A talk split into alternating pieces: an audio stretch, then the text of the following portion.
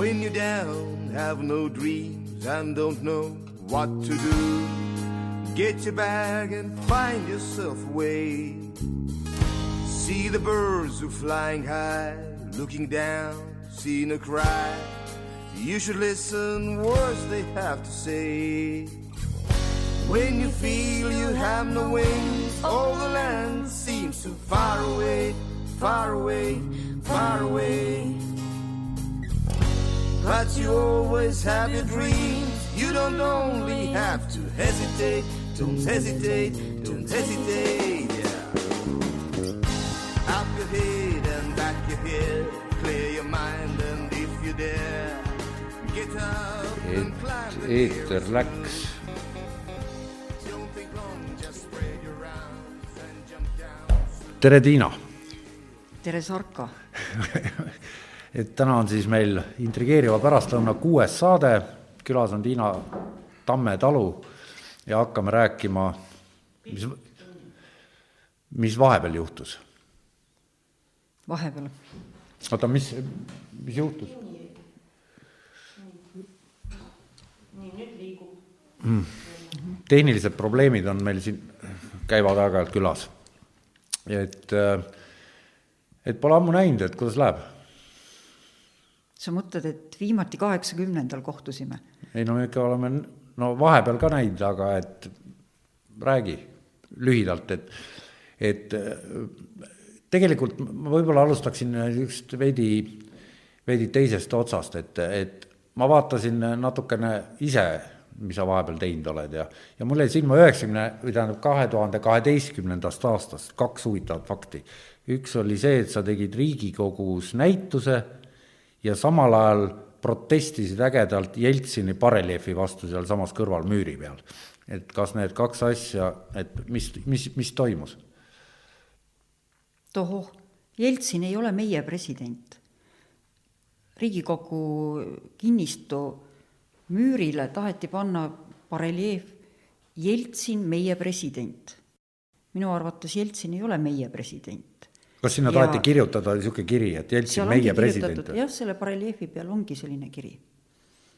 aga see oli, seal oli veel kirjas kuskil, et Rene Reinumägi tegi selle, ta on ju näitlejaks õppinud. ei, see on üks teine Rene Reinumägi, neid on kaks või on mingi tähe vahe, see on tegelikult noor skulptor. ja nad tegid seda Mare Mikhofiga koos ja Jeltsini naise raha eest ja siin suure tugigrupi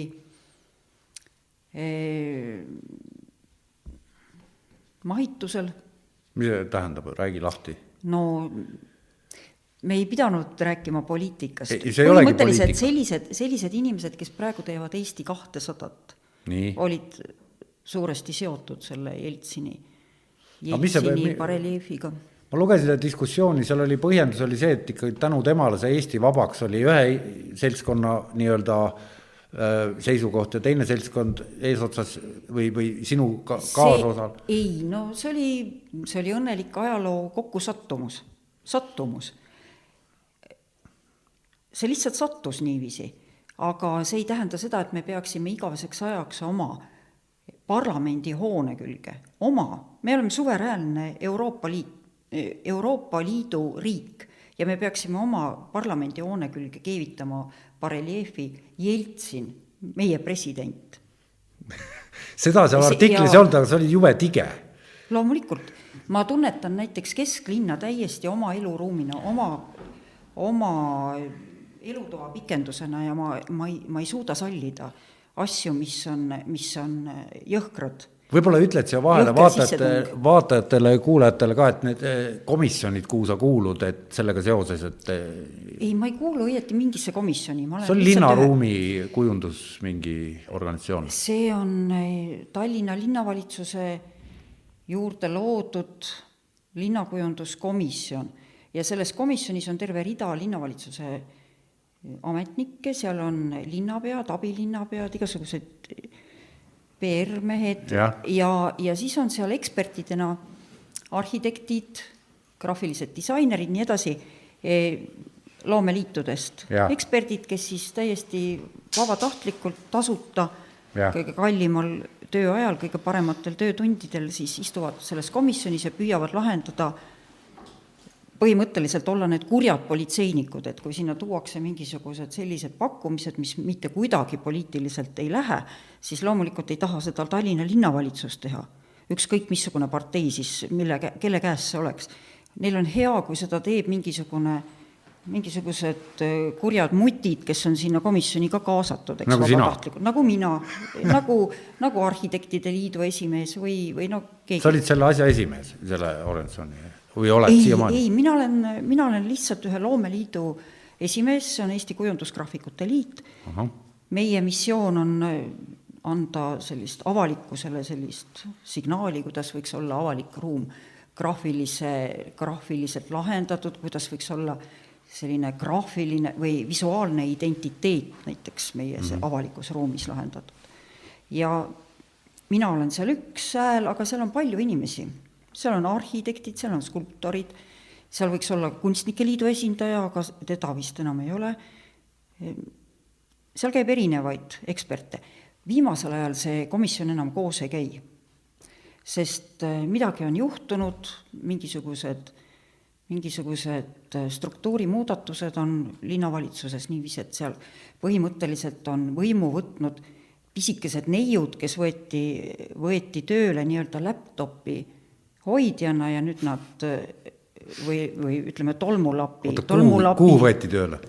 eh, linnakujundus või tähendab, mul ei ole praegu võimalik vaadata, mul ei tule meelde, mingisugune linnaruumi No selge. mingisugune osakond, kus peaks olema võim Tallinna linnapea disaineri käes mm. -hmm. aga see võim on huvitaval kombel nihkunud sellele, selle tolmulapi tüdruku kätte No kes kes võeti kes tööle meil tolmulapi tüdrukuna ei, keegi, kes oli enne gümnaasiumis kunstiõpetaja. juhtumisi on tal väga rikas isa mm, -hmm. kes Savisaare ajal tegi väga suuri annetusi nii, ja nüüd on temast saanud laptopi hoidja, eks, tolmulapp on vahetatud laptopi vastu ja tema teeb väga suuri otsuseid. Ja enam Aa. ta ei kutsu kokku seda linnakujunduskomisjoni. oota niimoodi, et kui see Jeltsini jama oli, siis, siis veel kutsuti kokku, ühesõnaga? siis veel kutsuti ja siin on hästi palju kaadrit liikunud ja see on raske koht, ma saan aru, ametnikele. oota, aga me jääme nüüd selle Jeltsini juurde kinni, et kuulaja sellest jaoks üldse räägime, see on ju mingi vana ajalugu, lõp, see lõpetame selle siis mm. korra, korrektselt ära, et, et mis siis sai lõpuks? no mis sai, me, me nägime, mis sai.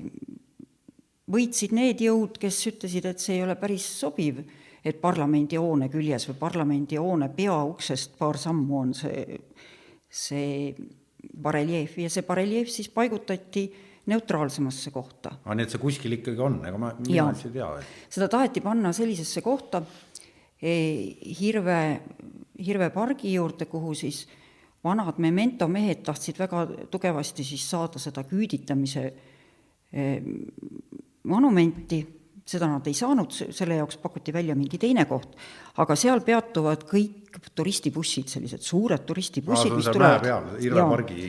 ja see oli, see oli siis nende Raivo Vare ja nii-öelda selliste bussijameeste poolt mõeldud siis selleks kohaks, kus siis kõik tulevad bussist välja, on nad siis Jaapani turistid või Vene turistid ja nad näevad kohe Jeltsin, meie president. ja küüditajate ausa- äh,, mälestustahvel sinna ei, ei kõlvanud? ei, küüditatud tahtsid hoopis teisele poole, seal, kus on Linda kuju, kus tehti omal ajal neid operatsioone suuri kaheksakümnendatel, kui me vabadust Irve park Irve park, jah ja, ja hashtag Irve park. no vot, aga mm., aga siis oli igasuguseid pakkumisi ja minu poolest oleks võinud olla väga tore, kui see oleks näiteks Vene Kultuurikeskuse juures olnud, aga siis ikkagi väga tugev oli, oli näiteks raudteemeeste soov, kes olid ka siis selles Jeltsini eh, pundis, et nad said siis Balti jaama juurde, et nüüd, kui tulevad Moskva rongid, Balti jaamast tulevad nagu turistid, siis nad saavad, neid tervitab seal Nunne tänava nurga peal see bareljeef. Aga see- aga ta ei ole, ta ei ole nii märgiline, tähendab, ta, ta on küll mingis mõttes noh, see asi on siiski, nemad saavutasid võidu ja mina saavutasin võidu, ütleme nii. Nemad said niiviisi, et nüüd on neil ühes kaadris on siis Eesti see mitte parlamendihoone, vaid valitsuse hoone. see, kus tollal siis istus Ansip või vaatas aknast välja. nad said siis Jeltsini selle hoone alla, enne nad tahtsid niiviisi, et oleks see täpselt ühes kaadris siis parlamendi hoone aa, okei okay,, et, et ahah. et põhimõtteliselt see on väga tugev, väga tugev mäng sümbolitega ja selliste oluliste märkidega ja, ja noh, me oleks väga naiivsed, kui me arvaks, et see on praegu lõppenud, ei ole lõppenud. me näeme ju seda, kuidas, kuidas on äkitselt ära võetud Tammsaare muuseumi nimest Tammsaare, nüüd on meil Eesti Kirjanduskeskus räägi lähemalt. Tammsaare park on ümber tehtud, sinna tuleb Pätsi kuju. tuleb me, või? no jaa, see on ju avalikult välja kuulutatud. oota, aga nüüd see Tammsaare pink, kus peal ta ist-, me räägime ikka ühest Tammsaare, Tammsaare on alles, aga see, see ruum on täiesti ümber korraldatud. kui lumi läheb ära, praegu lumega on päris ilus, sest see lumi, lumevaip katab ja õilistab seda, seda pinda. aga kui see lumi ära läheb ja sa lähed sinna vaatama, siis sa saad seal, mõni inimene võib langeda või hoo saada, sellepärast et need, need teed ja see plats on selline hästi kirju, see nagu vilgub. õhtul Ja. on see tuledest seal on tehtud äh, siis on seal mingisugused veidrad kaelakoogud või ma ei tea, mingisugune hästi veider, mingisugune veider ruudustik või mingi No mingi mis sa- asi on sinna ja siis on sinna hästi palju valgeid pinke pandud. no kes on ükskõik kus Euroopa linnas näinud, käinud, see teab, miks neid valgeid pinke seal hästi palju peab olema, sellepärast et et oleks meie sõpradel kuskil istuda, kui neid tuleb hästi palju ja nende kultuur on selline, nad tahavad istuda kuskil linnaplatsi peal, seal peab olema palju pinke, need ei ole enam sellised pingid, nagu meil olid traditsioonilised pargipingid, sellised ilusad malmist jalgadega ja ja tammepuust lippidega pikad valgeks värvitud või mõnes kohas oranžiks. Need on nüüd sellised uued, hästi koledad, betoonist, no tõeliselt koleda disainiga. lihtsalt see on nii kole, et aga kui sa istud seal komisjonis, miks te siis seda komisjoni enam ei kutsuta, seda komisjoni enam ei kutsuta kokku, selle no pargi minge ise kokku. selle pargi puhul ei küsitud enam mitte midagi komisjonilt, park on lihtsalt niivõrd kallis, see oli nii suur projekt, seal kisti üles, ka saeti maha suured puud, istutati palju pisikesi mingisuguseid idukesi, hästi palju kuhjati sellist prahti kokku, sõna otseses mõttes prahti, sest on mingisugune uus aiakujundusstiil praegu levinud, mis on, ma loodan väga, et see on ajutine, kus kuhjatakse sellist saepuru, igasugust paska, pannakse, mis tuulega hakkab, jaa, tolmab, läheb igale poole, siis on mingisugused kõrrelised, mis ka ajavad tolmu, nii et inimene saab seal otsekohe mingi köha-oo siis on neid pinke, need pingid on muidugi, kui te neid kohe vaatate, kes käis väljas uusaasta ööl, see oli hämmastav, korraga olid Tallinna tänavad täis selliseid valgeid betoonist valatud selliseid äh, veidraid äh, ristkülikuid, hästi hästi raskeid. need pingid on täpselt samasugused ja neil on täiesti selge üks funktsioon, funktsioon, ta tegelikult ta kaitseb seda, et sa ei saa autoga sinna sisse sõita, sa ei saa mingi veokiga sisse sõita, nad on nagu mingis mõttes nagu tankitõrje elemendid, aga see kõik näeb nii kole välja, see on nagu mingisugune kuradi Krimmi kelle vandenõu see on siis? ei no mis vandenõu, see ei ole vandenõu, mine vaata, kui lumi ära läheb, see on lihtsalt nagu mingi Krimmi surnuaed. ei no aga see keegi on nagu mingi ju tatari, initsieeris selle, keegi algatas.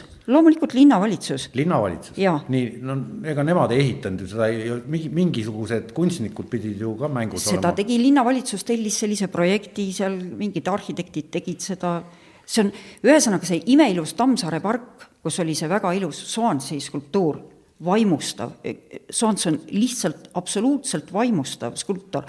Ja, ja ma ei saa aru, kuidas selle, see, ta on elus veel, kas tema käest küsiti nõu, kas ta andis seda nõu, see vaimustav Tammsaare skulptuur, see on nagu mingisuguse kuradi prahihunniku sisse praegu, ma ei tea, see, see on nii kole, et ma olen täiesti lõpetanud näiteks Viru keskuses käimise, ma ei lähe sinna lihtsalt, ma ei taha sellest koledusest mööda minna, see on nii inetu. ja nagu ma aru saan, seal rajatakse veel mingeid putkasid ja märkan ühte soantsi Ah, kas väga ta, hea. tahad sõna sekka öelda? jaa, ma küsin, mis et, su isa mi- ja mis mikrofon, sina selle kohta ütled? et, et see. Tere ja- ja- et Ehm, ütleme niimoodi, et nii palju, kui mina olen kuulnud sellest protsessist, siis äh, jah, tähendab anti kunstnikule teada, siis skulptori jaoks on selle teada, et äh, et ära muretse, alguses oli, et me tõstame selle kuhugi teise koha peale, mille peale Soans ütles, et ei tõsta ja siis öeldi, et ära muretse, jätame kõik samaks, see tähendab, et praktiliselt ei tõstnud midagi, tõstetud midagi ümber, aga nagu Tiina Tammetalu tõesti täpselt äh, õieti mainib, sinna ümber organiseeriti selline postmodernne äh, virvarr, mis on tõeliselt maitsetu.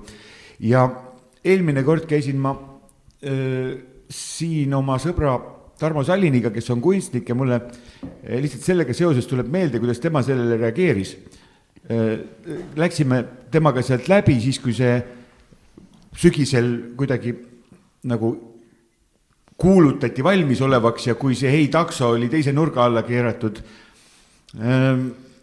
ka, eks ole, ideoloogilised kõik märgid ta ütles seda, et noh, aga nüüd nad võivad selle Estonia ka maha võtta, sest korraliku pargi nad on ära rikkunud. täpselt nii, täpselt nii, see on nii kohutavalt ja see on. liialdus, aga kunstiline liialdus. jah, see on, see on kohutav ja see ja seda ei taasta, tähendab, me võime need prügihunnikud, loodame, tuleb uus linnavalitsus ja mina nüüd mina kavatsen küll valida ja midagi ette võtta, et jumala eest see linnavalitsus kaoks, sest see on, see on lihtsalt kuritegu, see on kuritegu meie avaliku ruumi osas, see on kuritegu kogu Eesti riigi osas, see on meie riigi pealinn. huvitav, et mina linnakodanikuna nägin äh, selles hoopiski sellist asja, et, et äh, noh, on palju juttu olnud sellest, et, et, et miks inimesed tallavad äh, parkides muru sisse nii-öelda neid jalgradu, niisuguseid mullaseid, noh, nagu sealgi oli, et, et teed tuleb teha nende kohtade peale, kus inimesed loomulikult tekitavad need noh, ise need rajad ja siis mina arvasin, et see park nüüd ongi tehtud selle järgi, kuhu inimesed olid tallanud need rajad, et siis nüüd on seal siis pandud mingid kivid maha ja tehtud sellised teed, et seepärast ongi seal niisugune no, sinna-tänna lähevad need. Seal on endised plaatteed või asfalt või mis seal oli, need plaadid olid katki küll Need on asendatud nüüd uue, uue kattega ja see on tohutult kirju, aga kurb on see, et kogu, kogu muru on üles võetud, sinna on rajatud siis need künkad ja künkad ja orud, mis on saepurust ja mingisugusest saastast ja mingisuguste väikeste põõsaste ja selliste metsataimedega, mis seal kasvama mitte iialgi ei hakka, mis lihtsalt hakkavad koguma prahti, ära on võetud inimestelt, see oli hästi populaarne park, nad, inimesed lamasid seal ja pidasid pikniku nagu, nagu Londonis või ükskõik kus nüüd ei ole seda võimalust, sest ega meie inimesed ei ole metssead, et nad lähevad või kodusead sinna eh, saepuru hunnikutesse nagu ennast eh, no lähevad Niguliste juurde, seal on veel muru natuke. no aga kui juba ühes kohas nii tehti, eks siis karta on, et mujalgi läheb asi hulluks. et sinna on tohutul hulgal mingisuguseid pisikesi taimekesi istutatud, mis, mis, mil, mida põhjendatakse justkui see linna mingisugune aiandusosakonna inimene ütleb, et meil on vaja mitmekesisust. linnaruumi on vaja mingisugust metsataimi, see on naeruväärne, või mingeid aasataimi, need kellukesed ja aasataimed ei hakka siin arenema. et ma näen näiteks minu enda ateljee akna all on, on rikutud ära ilus muru, sinna on, sinna on kasvatatud mingisugused hämarad metsa või, või kalmistu mingisugused. sa räägid Vabaduse väljakust praegu? vabaduse väljakul mul on selline piatsa äh, akna all väikese ta räägib purs, mikrofon. purskkaevu, purskkaevu ja, ja kohvikuga ja sellise platsiga ja ma väga kardan, et see rikutakse ka kõik, et juba ühest kohast ilus muru, mis oli aastakümneid kas-, kasvanud, tegelikult et saada ilusat muru, see kasvab ka väga kaua, see muruvaip läheb selliseks paksuks, see kõik võeti üles, sinna pandi mingisugused imelikud, imelikud taimekesed, mis mitte kuidagi ei kasva, nad ei ela ega ei sure ja sealt lihtsalt tuleb praht ja see on kõik nii kurb ja kole ja sealt kogu aeg keerutab tolmu igale poole. su jutust jääb kõlama see, et kõik on nii kole, aga kas midagi on, on nagu positiivset tähendab, ka kuskil liigu- li,, liikvel? linnas on kahjuks väga-väga suured, väga suur liikumine on halvemuse poole ja ma tõsiselt kardan, et kui minnakse nüüd selle Kaarli puiestee puude kallale ja need ära saetakse, et siis, siis tõesti tuleb siit Tallinnast jalga lasta. see on lihtsalt nii koledaks läheb. see jutt oli juba aastaid tagasi, aga see läks mm -hmm. üle, et kas nüüd on jälle? ma ei tea, inimesed, kes on linnavalitsuses ja kes kes neid muutusi teo-, teevad, nad ju käivad ka Euroopa linnades Nad näevad, kui suured puud on Brüsselis, seal täiesti kesklinnas. Need ei kuku huvitaval kombel kellelegi pähe, need on kolm korda kõrgemad. Igal pool suurlinnades on väga kõrged puud. meie linnaruum vajab, vajab selliseid mahtusid, see, ta muutub nadiks, ta muutub nagu mingiks hambutuks suuks, kui, kui ära lõigata kõik need suured puud, mingisugused hädised, hädised äh, taimed või sellised kõrrelised sinna asemele panna, sisuliselt mingid põõsakesed. arhitektuur ongi mõeldud, sinna, seal peab olema kõrghaljastus kõrval. Tiina, kui sinul oleks ainuvõim, kujuta ette, et sa oled türann, kellel on kõik lubatud ja sinu kabinetis sina üksinda saad otsustada, milliseks Tallinn teha ja raha on lõpmatuseni. sa provotseerid vihakõnet, sa provotseerid vihakõnet. ma üritan leida seda positiivset programmi, et, et mida sa teeksid teisid või tähendab, mida sa teeksid, kui sa üksi saaksid otsustada mis sa, kust sa pihta hakkaks, Kuvaldaga? ma ei, ma ei tea, kust ma pihta hakkaks, aga paljud asjad, millest on kogu aeg räägitud aastakümneid ja mina olen seda igal pool alati korranud, et et eh, tuleks ikkagi kinni pidada meie pargikultuurist, meil on kõrged puud, ilusad kõrged, tugevad kõrged puud, meil on selline loodus, mis kannab neid puid. ilus muru no.. muru ja puud, meil ei ole vaja mingisuguseid, me ei pea Norrast võtma no, eeskuju või mingisugusest kobikõrbest. Eh, meil on iga, meil on kogu aeg seda olnud no., aga seda ei tasu nagu üles võtta. Skulptuurid linnaruumi, need skulptuurid, mis meil linnaruumis on need tuleb välja puhastada, mitte, praegu on niiviisi, et on eh, suund sellele, et linnaametnikud, kes, kes eh, teevad pühas heas usus, nad loodavad, nad teevad midagi paremaks, nad, nad teevad meie linna ruumis olevatest headest skulptuuridest mingisugused pargipäkapikud.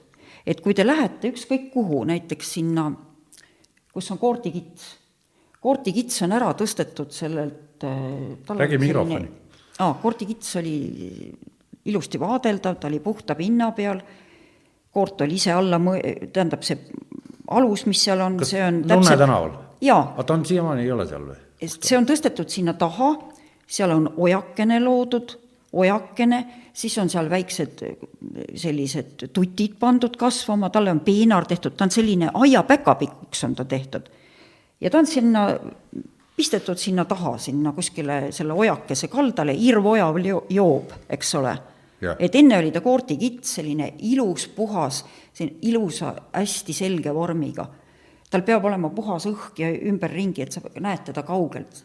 aga nüüd on ta irvojal joob kuskil seal kaugel mingisuguse sodipodi sees, siis eh, üleval eh, Toompeal, kes seal on, Ellen Kolk või? Sellised väiksed mehikene, mehikene naisukene, kes näevad välja hästi äh, Starkovilikud, vana, nagu vana Starkov ja tegelikult on Ellen Kolk. sellele on ümber tehtud mingi lillepeenar, nagu surnu, nagu surnuaed. ühesõnaga nagu surnuaia peenar ja paneme selle päkapiku sinna aga sisse. sa räägid, et on teen-, keegi on teinud. keegi on teinud. kes need on? linnaametnikud no, linnavalitsus. ega, ega see Taavi Aas ei käi seal kitse ei no see on omaette osakond, ei, see on omaette osakond, ta põhimõtteliselt Taavi Aas, Taavi Aas annab selleks loa. kusjuures Taavi Aas ei ole kõige hullem linnaametnik, vastupidi, ta on üks kõige paremaid, keda ma olen näinud seal linnakujunduskomisjonis, temal on mõistus peas. ja ta no, teeb päris, päris äh, häid otsuseid teinud ja tarka juttu rääginud, rääkinud. Aga, aga seesama, mida seal äh, nüüd Soansi kujuga on tehtud Tammsaare pingiga.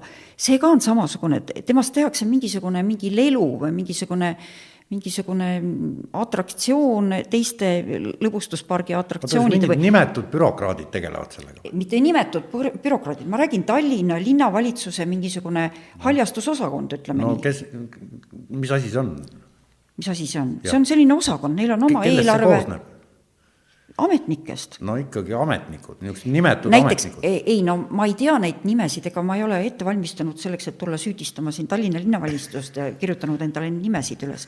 ma ei tea, seal on ilmselt palju ametnikke olnud, aga näiteks üks selline jabur, jabur kaunistus on see, Toompealt lähed sealt komandandi teelt e, ja Hirve pargi nii-öelda suudmes on see selline kivirahn kivirahm, mis pandi sinna kahekümnendal augustil tuhat üheksasada üheksakümmend üks või selle mälestuseks, eks ole mm. -hmm see on selle Butši, Murtise Butš, see oli toodud need kivirahnud, et peatada tanke, siis üks kivirahn on seal. kivirahnu ümber on nüüd tehtud ka selline väike haua, haua nagu selline peenar. on seal mõned lillekesed ja mõned pisikesed sellised elupuukesed või mingisugused, ühesõnaga sellest on saanud mingisugune jälle mingi selline hauapeenar või, või mingisugune see, see rikub ära, see on midagi nii naeruväärset, et tegelikult ma mõtlen seda, et kui palju on meil, meil äh, tööta kunstnikke, kes, kes on kõrgelt haritud ja, ja samal ajal on sellised ametnikud täispalkadega tööl komi-, mingisugustes äh, mingisugustes kas kunstnikud läheks neisse ametitesse? loomulikult läheks. kunstnike, kunstnikud kogu aeg kandideerivad igale poole ja neid ei võeta mitte kuskile, sest nad on e, esiteks kas ülekvalifitseeritud või teiseks liiga vanad. jah. ja kolmandaks võib-olla nad ei ole aga kus need noored, noored kunstnikud on ka ju? No ma ei tea, tead, ma ei, ma lõpuks ei tea, mida kellelegi on kuskil öeldud, ma lihtsalt tean mõne oma tuttava põhjal, et kes on kuhugi kandideerinud ja talle on siis midagi vastatud. aga et, et kuidas saab selline ametnik, kes, kes lihtsalt sellist ala ei, ei ole kunagi õppinud, ta ei ole kunagi kompositsiooni õppinud, ta ei saa mitte midagi aru linnaruumi mingisugustest aga võib-olla ikkagi need kunstnikud ei, väga ei kipu ka. ei no küsimus ei ole kunstnikest, küsimus on selles, küsimus on selles, et et meil oli nii kaua selline linnapea, kes ise ei elanud Tallinnas.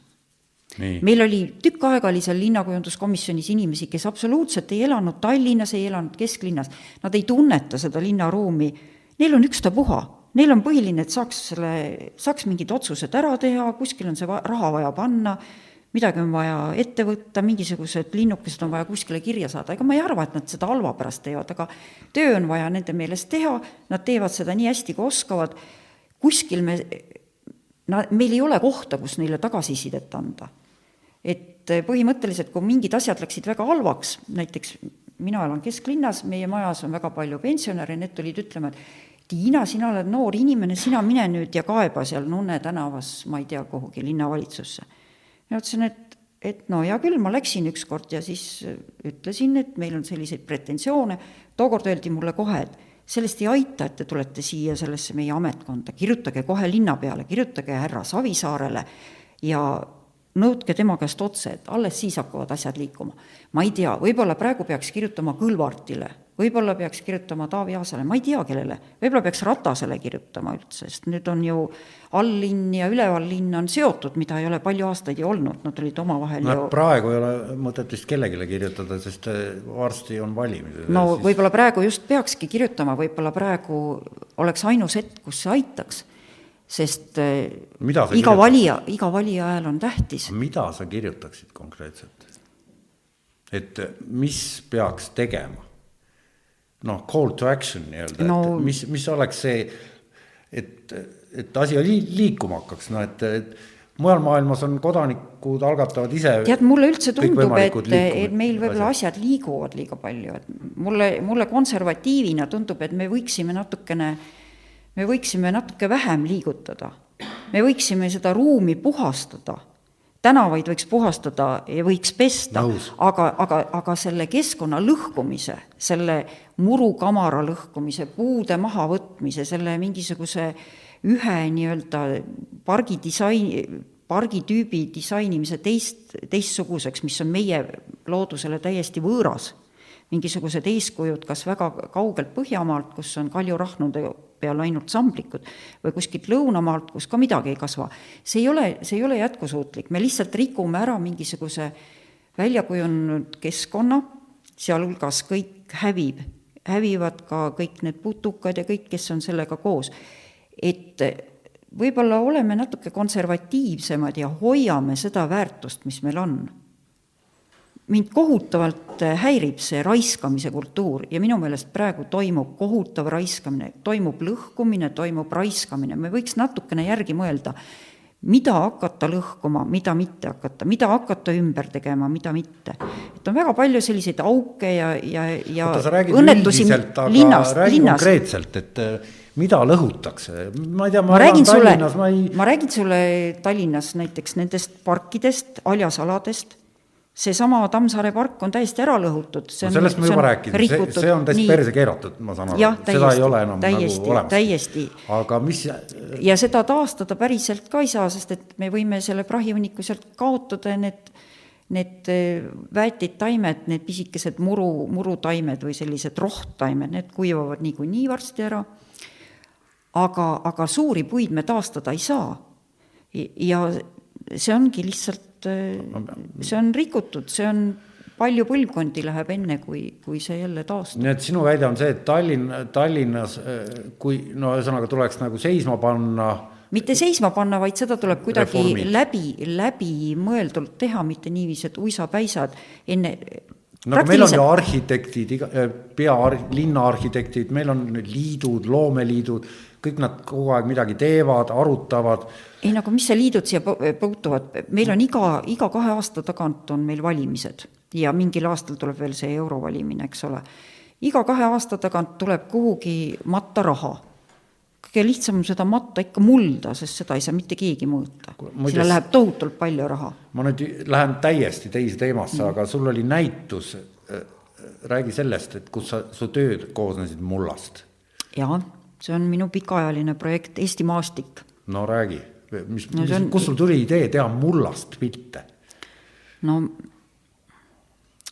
see idee tuli, see idee tuli otseselt äh, mingisugusel kartuli või peedipõllul olles, kus, kus mina ja minu vend ja minu õde meie ema sunnil käisime siis põldu harimas ja see mõjus nii, et sa hakkasid seda mulda lõuendile ja ma, ma vihkasin seda põllutööd, aga mingisugusel hetkel, kui ma olin juba vanem inimene ja vaba, olin ilmselt üliõpilane ja siis kodukanti tagasi läinud ja siis seal seistes seal põllu, põllu peal, kus vaod läksid silmapiiri taha tohutult pikad ja siis hämardus ja ma vaatasin seda põldu ja kuidagi olin üksi ja kuskil kõrgemal kohal.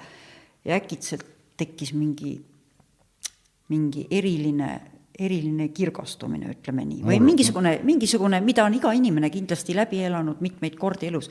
aga vot mul oli mingi selline, selline õnnestav tunne ja see, ma ei tea, äkki see, kõik see ebameeldiv, mis alati oli see sund seal kartulivagude vahel ja see muutus mingisuguseks hoopis teistsuguseks kogemuseks, kus sa oled seal, kõrred on püsti ja kõik on kuidagi selline sügisene ja hämardav. väga, väga kihvt oli see. sa ja sa... kuidagi sealt tekkis see tunne sa lõpetasid maalikunsti eriala, hiljem äh, magistritöö tegid interdistsiplinaarselt, kas see maalikunstist üle, võib-olla räägid, et kas see on nüüd siis see, et õpetati pintsliga maalima ja siis sa leidsid, et muld on ägedam ja siis see on interdistsiplinaarne, et kaevur versus ei, see muld maali. pole ägedam, maalimine on väga äge. ja sel ajal, kui mina maali õppisin, see oli nüüd eelmisel aastatuhandel, eks ole, eelmisel aastatuhandel, eelmise sajandi viimases veerandis ma õppisin maali professor Tiit Pääsukese käe all. seitse aastat, nominaalaeg oli kuus aastat kõik vabad kunstid, maal, graafika, skulptuur õppisid kuus aastat Kunstiakadeemias või selles nagu tolla, tollases, tollases ERKis ehk siis Kunstiinstituudis, mis oli Tartu maanteel. ja, ja kuus aastat me õppisime, me käisime kuus päeva nädalas koolis, hommikul kella kaheksast kuni kuni kuskil kella viieni õhtul olid päris tunnid, noh, igasugused need loengud ja maalimised, värgid, ja siis me vahepeal käisime Virus söömas või ma ei tea, kuskil stereobaaris ja julgetes meestes ja kõvasti pappi olema, üliõpilased. jaa, me saime nelikümmend eurot või nelikümmend rubla stipendiumi. no ma sain ka nelikümmend rutsi, aga selle eest ikka Viru grilli väga ei läinud, et, et seal oli ikka see päris kallis. me käisime stereobaaris, me, me sõime koolisööklas, aga seal me jõime oota, kus te jõite, koolis või koolis me sõime, aga Viru, Virus, jõime, julgetes meestes me jõime ka kohvi ja, ja siis selles, mis seal üleval oli, Harju kuues, seal, seal me jõime Tallinna varett oli seal. konjakeid, no ühesõnaga, kõigeks jätkus raha ja siis me öösel läksime kooli tagasi ja siis me hommikuni töötasime, maalisime, valkasime, ei, ei joonud, koolis me ei joonud me palkasime ise kamba peale mingid modellid ja siis öösel tegime omaette tööd. päeval juhendas meid Tiit Pääsuke. kuus aastat. mina tegin vahepeal pausi kuskil peale kolmandat kursust, ma ei tea, mul tuli mingi armastus või mingisugune, ma ei tea, selline ühesõnaga meeleheide. armastus, ühesõnaga meeleheide. ühesõnaga suur armastus, mille pärast oli suur meeleheide ja siis ma tahtsin kooli pooleli jätta, aga õnneks tuli, keegi pakkus, umbes Dolores Ohman, kes on, oli, andis meile monumentaalmaalitunde e,. tema soovitas siis puhata ja mina võtsingi siis selle akadeemilise puhkuse ja läksin, sõitsin loomavaguni sõpradega loomavagunis, viisime mullikaid Kesk-Aasiasse mm.. ja, ja kohe läks meeleheide üle, nii kui oli tagasi tuldud sealt mitme kuu pärast. Või no ühesõnaga, kõik oli, kõik muutus. Või no mis on ka normaalne. Ja siis ma läksin kooli tagasi ja õppisin veel kolm aastat Tiit Pääsukese juures maalimist ja see oli väga-väga hea. Ja ja ma soovitan siiamaani kõigile, et kui teil on võimalus, kui Tiit Pääsuke teeb mingi kursuse, minge, ta on maailma kõige parem õpetaja, ta on üldse Eesti kõige parem maalikunstnik, ta on vaimustav inimene, suur filosoof, eriline. et see on suur õnn ja ma olin väga õnnelik selle üle ja siis läks aeg ja, ja vahepeal ma tegin raamatukujundusi ka ja tegin, maalisin ja siis mingil ajal ma olin ühes kirjastuses ka peakunstnik, tegin palju raamatukujundusi ja siis mingil hetkel see aa, oli Kupar, eks? Kupar, jaa, Kupar läks pankrotti ükskord ja sellest oli väga kahju, aga noh, see oli asjade loomulik käik. Ja siis kuna, kuna töökoht oli kadunud, siis ma hankisin endale ateljee sealsamas Luteri vabrikus, mis oli selle Kupra kõrval, kuidagi see harjumuspärased käigurajad olid sees ja kuidagi see Kupra Kupras tööl käimine oli väga tore, sest meil oli seal era, erakordselt hea seltskond. Jaako Hallas, toimetaja, vot maailma parim toimetaja, kui keegi tahab midagi, et see oleks tal entsüklopeediliselt toimetatud ja kõik faktid kontrollitud ja kõik omad kümme korda läbi uuritud. ja tema tekst oleks kõik, juuksekarv oleks neljaks aetud, vot siis minge Jaako Alla, Allase juurde, kui ta teid võtab, sest et tal on, tal on väga palju tegemist aga Jaako on vaimustav, vot tema oli üks minu töökaaslane, seal oli palju häid töökaaslasi. E, ja meil oli kuidagi selline nagu noh, heas mõttes pseudoperekond või et mina armastasin neid inimesi, mulle nii meeldis seal. nii et lõpus, kui me enam palka ei saanud, me justkui ei pannud tähele et meile palka ei maksta, me ikka käisime ja muudkui tegime, meil ei makstud üldse välja neid töötasusid, me muudkui tegime kogu aeg. palk pidi olema ikka väga väike. no ta oli väike ja, aga seal olid mingid honorarikesed ka, aga neid ka ei makstud välja. ja, ja, ja aga, aga kogu aeg öeldi, et ei, raamat peab olema nüüd selleks ajaks valmis ja et küljendus peab olema tehtud ja kujundus ja ja tehke ära ja trükikoja aeg ja me tegimegi ja me olime nagu mingid erilised noh, veidrad kujud. Ja ise me olime väga rõõmsad. see, see oli vist viimati umbes kak-, tuhat üheksasada üheksakümmend või mis ta oli, kaks tuhat, tuhat üheksasada üheksakümmend üheksa oli veel kõik okei okay,, aga kuskil kaks tuhat üks hakkas see asi lagunema ja kaks tuhat, ma ei tea, kas kaks tuhat üks oligi äkki kõik nagu otsas. aga et siis, kui, kui lõpuks see asi oli täiesti lagunenud ja me kõik siis saime koondamisteate, siis selgus, et ammugi polnud meie eest makstud seal mingisuguseid sotsiaalmakse ega et me olime täiesti töö või seal nagu mingisugused mitte inimesed, ühesõnaga no see riigi, riigi arvates me, meie eest ei olnud makstud sotsiaalmaksu, meil, me ei olnud selge, ühesõnaga teil meil olite... ei olnud nagu Haigekassa kaarte, aga me olime töötanud kogu aeg mm -hmm. ja tohutult õnnelikud ise olnud. no jaa, ei, tuleb meelde, et teatri tegemine oli üheksakümnendatel samamoodi no,, et jah. tuldi kokku, tehti asja, unustati ära, et, et, et raha ei ole mm -hmm. üldse. ja siis, kui piletid õnnestus müüa, siis selgus, et tekkis mingisugust raha aga siis see, kelle oma oli saal, võttis selle ikka ära, nii et. Äh, no jaa, aga sina said vähemalt teatrit teha no jaa, oli jah, see õnn kunagi. aga ma mäletan, need olid väga head asjad. ärme hakka sellest praegu, räägi, räägime ikka. aa, no ja siis oligi nii, et ma vaatasin, et oi, tahaks endale ateljeed, et sellist, just räägin Jaako Allasele, et oleme seal ajakirjandusmaja ees ja seisame trammipeatuses, ma ütlen, ma tahaks endale ateljeed, millel oleks sellised suured aknad ja et et nad võiks olla sellised, et see võiks üldse olla sellises ilusas majas ja sellise suure kaarega ja ja, ja siis näitan, et noh, umbes nagu siin selles Luteri vabrikus mm. -hmm. just, et sellised aknad võiks olla ja siis äkitselt mul plahvatas, et et aga kui mulle just need aknad siin meeldivad, et miks ma siis ootan ja läksingi sisse ja küsisin, et kas siit saab äkki rentida endale ateljee. oo jaa, palun, ilusad neli või viis meetrit kõrged ruumid, sellised suured aknad, nagu ma väljast nägin. ja, ja ühesõnaga väga ilus ateljee oli. ja seal ma pidasin pikka aega siis vastu, sealsamas kinnistus oli, kõrval oli Nightman, kuulus. jaa, oli. no ühesõnaga, see oli, see oli tore aeg, aga noh, see mitte see Nightmani pärast, et mina ikkagi töötasin seal ja ja aga mingil ajal see, selle kinnistu omanikud, ma ei tea, mida nad seal tegema hakkasid. seal on praegu ju vinge arendus peal, et seal ja, on ja väga lukskorterid on seal. ja, ja et see on muutunud, seal oli Ja igasuguseid, seal olid mingid arhitektid, pidasid ateljeesid ja mingid tantsuklubid ja, ja mingil ajal kadus ära Nightman ja lihtsalt need üüritingimused läksid halvaks ja, ja siis kadusid kõik ära ja olimegi lõpuks mina ja keegi arhitekt ja siis kogu selle suure, ilmatuma suure kinnistu kõik kommunaalarved su-, suruti meile kahele ja siis ma sain aru, et et seda pole enam võimalik nagu oota, kogu selle Luteri no umbes jaa, et, et no seda ka ei, kommunaalid ei no tulid- seda kõike ei köetud, aga no mingid koridorid ja seal olid tohutu pikad, no selline no, ma nagu, tean, mis seal on enam-vähem, jah, et see ikka on. et kuidagi need arved läksid väga suured, suureks ja siis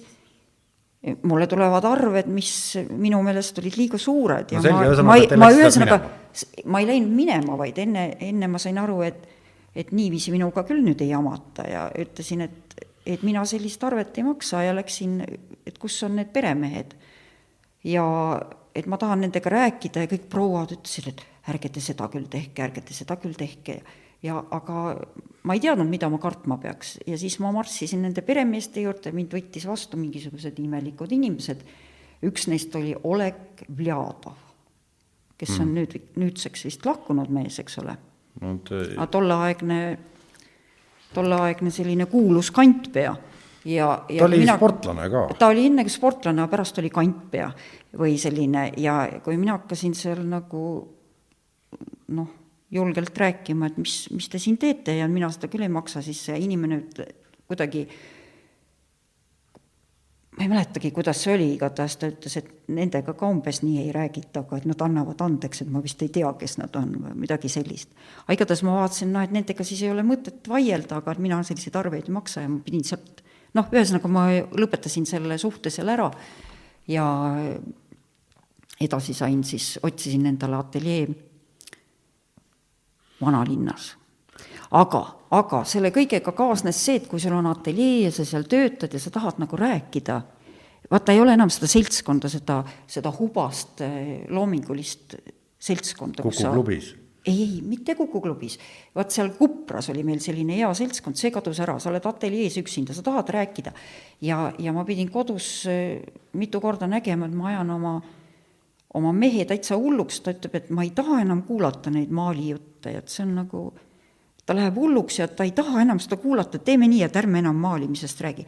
ja ma äkitselt sain aru, et, et muidugi, et miks ma teda piinan, et ma pean seda seltskonda kuskilt mujalt otsima, kelle, kellega maalidest rääkida ja, ja, ja siis ma sain aru, et võiks ju õpetada hoopis maali, et kui ma sellest nii palju rääkida tahan, et siis ju võiks see nagu minna sellesse kanalisse, kus seda keegi ootab, et miks ma sellest Mihklile räägin, et ma võiks rääkida nendele, kes, kes seda Mihkel on siis Mihkel Mutt, sinu mees. jah, et kes tahavad seda kuulata ja ma saan selle eest mingisuguse pisikese raha ka. ja siis ma hakkasingi, see oli kuskil kaks tuhat, ma ei tea, kaks tuhat kaks või kaks tuhat üks või ma hakkasin Kunstiakadeemias, see oli vist tol ajal veel Kunstiülikool või ma ei tea, ta oli Tartu maanteel, ma hakkasin õpetama lihtsalt läksid ja hakkasid. ei no mul oli seal igasuguseid kolleege, ma olen lõpetanud tegelikult äh, sellise, diplomiga, et ma olen maalikunstnik, tahvelmaalija, aga võin teha ka monumentaalmaali ja, ja mul on äh, pädevus õpetada kõrgemas kunstikoolis, tähendab kõrgemas maali, kõrgemas, no ühesõnaga Kunstiakadeemias ütleme maali.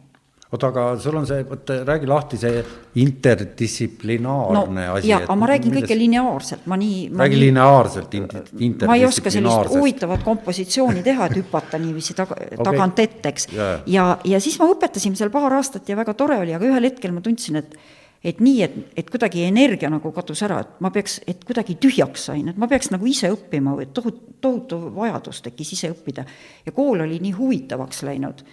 ja, ja minu eakaaslane Jaan Toomik mm -hmm. oli just koolis äh, avanud interdistsiplinaarse äh,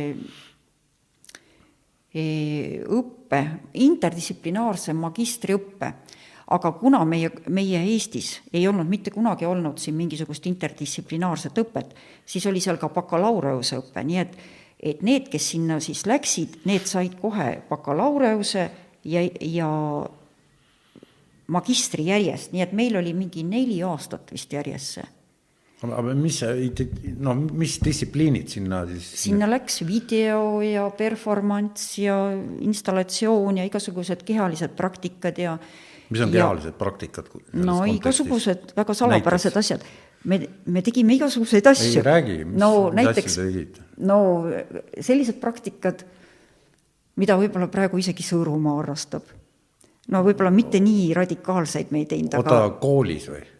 koolis, jaa, tunnis, tunnis oli näiteks üks hästi huvitav formaat, tunniformaat, mida Toomik tegi, oli selline friikide, friikide revüü või, või ta kutsus oma mingisuguseid tuttavaid või friike meile rääkima ja sellesse mahtus igasuguseid tüüpe, seal oli selliseid tema häid tuttavaid, kes olid väga veidrad, kes luuletasid, aga, aga kes olid piiripealsed, et kas nad on ikka päris maailma tegelased või nad on oota, oota. no keegi oli selline, kes oli, kes oli näiteks äh, luuletaja, aga ühtlasi ka vangipalvur ja sealt kohast ta vabastati sellepärast, et ta, et ta liiga palju onaneeris nagu oma töö ajal, et ta... no selline, selline tüüp ja tema käis meile siis rääkimises, oli väga huvitav. siis käis meil selles Friikide revüüs, käis igasuguseid, Tarmo Teder käis, meil käis noh, suurepäraseid inimesi käis. Mang, Mang näiteks käis. Mang oli üks väga konservatiivne korralik oota, Toomik kutsus siis nad ja, teile sinna? aga see oli mingisugune, see oli üks väike osa, see oli üks väga väike osa, meil oli tegelikult väga tõsine programm, meil oli maailma dokumentalistika kursus, Maimik andis, meil olid seal igasugused, meil oli heliloojad käisid rääkimas, näiteks Rainer Jantšis, vaimustav tema tema need tunnid. Kukumäel oli lausa mingi, ma ei tea, läbi semestri või läbi kahe semestri olid meile tunnid, kus ta õpetas meile igasuguseid asju, kusjuures ka näiteks selliseid asju, et et kukkumist ja igasuguseid selliseid asju. Kukumägi mida... õpetas teile kukkumist? kukkumist, kukkumist, igasuguseid, tähendab, ta õpetas, ta rääkis, ta rääkis iseendast, ta rääkis oma, oma asjadest, aga ta õpetas meile ka praktilisi asju ja, ja mul lihtsalt praegu tuli meelde see jah, et kukkumist ja me kukkusimegi kõik ja mitte midagi ei juhtunud. ma ei tea, kuidas ta, kuidas ta seda tegi. Läksid kooli hommikul, läksid Kukumäe eestvedamisel kukkuma? ei no see oli ühe tunni teema, kus ta meile seda õpetas, ta õpetas meile igasuguseid asju, aga üks asi, mida Kukumägi mida ta rääkis ja mida ta, mis jäi mulle kui maalijale meelde, sest seal oli igasuguseid inimesi, seal oli väga erineva ettevalmistusega inimesi, hästi erineva vanusega, näiteks minu üks kursusekaaslane oli Minna Hint, hästi tore tüdruk, kes on nüüd ühe dokumentaalfilmi tootnud juba, teinud, ja tema oli tol ajal vist mingi kahekümne ühe aastane, mina olin neljakümne kolme aastane. See meil, meil oli nii tore, et meil olid sellised hästi erinevas vanuses inimesed, hästi erineva ettevalmistusega, seal oli metallikunsti lõpetanuid ja skulptoreid aga... ja maalijaid, aga mulle meeldis see, mida Kukumägi tuli, tuli ja ütles, et vaat tema, noh, ta algul rääkis nagu meile kõigile, andis selliseid loenguid ja et üks asi, mis talle absoluutselt ei meeldi, on selline, kuidas tänapäeval maalitakse mingi rulliga ja, ja niiviisi lohakalt ja et maali peal peab olema issand, palju seal pidi olema, ma ei tea, kas kümme tuhat pintslilööki pidi olema ja ma nii ehmusin kümme tuhat pintslilööki. et rulliga ei saa? ei, rulliga, see ei ole mingi maal. ja et, ja ma küsisin kohe, et, et kui suur see pints siis on, kus see rull, kus on see kümme tuhat pintslilööki. ja ta ütles, et no ikka selline, no et võib-olla, ma ei tea, vast meeter siis. Jackson Pollock rida. no pintslilööki, et see, sa ei, mitte ei pritsi ega ei tee sellist Pollokit, et see on kõik jama ju mingi rulliga või, või tilgutamine, see on jama. sa pintsliga töötad ja tead, see mõjus tohutult, see mõjus tohutult inspireerivalt, aga kuidagi mul see nagu see õudselt kaua võttis aega, et ma seedisin pärast seda Kukumäe juttu, seda mitmeid aastaid ja alles ma ütleks, mingi viie aasta pärast ma siis tegin selliseid pilte, kus olid need kümme tuhat pintslilööki ja siis kus kukkusin, kutsusin Kuku, Kuku vaatama, ütlesin, et, et kuule, Kukumägi, tule nüüd vaatama, et nüüd ma tegin sinu õpetuse järgi, et sa oled mul järgmine maaliõpetaja. Ja ausalt, see oli nagu inspireeriv, et kuidagi täiesti selline teine vaat- või noh, ta nagu nii aga mismoodi seda mõõdeti, seda, mis sa praegu rääkisid, et ülikoolides teadupärast pannakse punkte või, või neid punkte, ainepunkte? ja, ja, ja, ja meil et, oli väga. niisugune, nagu sa kirjeldasid, need meil oli väga palju, meil oli tohutu suur programm, meil oli, meil oligi bakalaureuse kursus, kuna seda me ei, seda eriala, meil oli kõikidel olemas ju bakalaureuse tase juba mingis muus asjas, aga, aga ja magistritase oli meil muudes asjades olemas. kuigi tol ajal ei olnud veel neid magistrikraade, kui mina näiteks lõpetasin. aga et tasemeks juba seda loeti, aga kuna see interdistsiplinaarne nagu äh, praktika on hoopis teistsugune, me pidime selle nagu algusest nagu A-st peast, B-st peale võtma, et meil oli praktiliselt see, me võtsime nagu algtaseme ja siis ka selle magistrikursuse. ja, ja meil oli hästi tõsine programm, meil oli seal sees ka filosoofia, Leo Luks oli näiteks meil, andis filosoofiat, keda näiteks praegu Mihkel väga kiidab, ütleb, et, et on noori inimesi, kes, kes on väga-väga head, vot see noor inimene oli minu õpetaja kunstiakadeemiasse. aga filo-, filosoofia õppejõududel on alati omad lemmikud, ma tean omast, meie omadel olid küll, et üks rääkis ainult Platonist ja teine rääkis budismist. et, et tavaliselt ju niimoodi on, et, et noh, kui me nüüd räägime inter, interdistsiplinaarse kontekstis, et siis mm, -hmm. et kas see filosoofia oli teil seal noh, selline noh, kuidas see välja nägi või kust no, pihta hakkas? ei, see oli selline, ta oli väga erinev ju loomulikult sellest, mis oli, mida mina olin õppinud Nõukogude ajal, kaheksakümnendatel, kaheksakümnendate teisel poolel. see Aa, oli absoluutselt. räägi, mis aastatest me üldse räägime? ma räägin nüüd kaks tuhat kolm kuni kaks tuhat kuus ja, ja näiteks, kes oli meil üli-ülihea, oli, oli Johannes Saar, kes rääkis üldse sellisest kaasaegsest kunstist ja kaasaegsetest vastupanu äh, või vastupanupraktikatest. mis ta, kus ta on? mina ei tea, igatahes siis oli ta meil õppejõud ja ta oli, ta oli ülihea, tema eksamid olid väga rasked, kui ta võttis neid eksameid vastu, siis, siis millegipärast alati kõndis seal eksamiruumis ja kateedris ka Krista Kodres, kes veel õhutas tagant, et veel peab küsima midagi ja veel ja et inimesed lausa higistasid ja kartsid, kas me saame läbi ja aga need olid tohutult, see oli kõik nii huvitav meil oli filmi ajalugu, Remsu rääkis seal mingisuguseid asju, meil oli igasuguseid asju, see oli hästi-hästi tihe programm ja see oli, see oli nii, nii hea, Toom-, lisaks Toomik, Toomikul olid alati kaasas mingisugused tal oli, ta käis alati teatud selliste assistentidena, tal, tal oli kadunud Jaan Paavle, siis oli alati, kes tema gruppi kuulus, oli Rodgers, see, mis ta nimi Paul Rodgers. Paul Rodgers siis, siis oli e, Ojaver ja, ja ühesõnaga Viiralti punt. no ja, ja lisaks sellele Toomik tegi kogu aeg väljasõite, meil olid mingisugused väga ekstreemsed talverännakud ja mingid äh, asjad, kus me üksinda läbisime mingisuguseid pikki, pikki maa-alasid, ta andis mingid ülesanded mingisugustes hästi karmides tingimustes, väga, väga suure külmaga kuskil vee ja, vee ja maa piiril. ühesõnaga sellised, kus sa, kus sa sellised noh, ma ei tea, kehalised praktikad ja kui sa selle oled läbinud, siis sa oled kuidagi teistmoodi. me käisime näiteks Haapsalus, Haapsalus seal lennuväljal tulistamas. mida, millega? Oota, mis asjad need on, need, mis on Kalašnikovidest suuremad?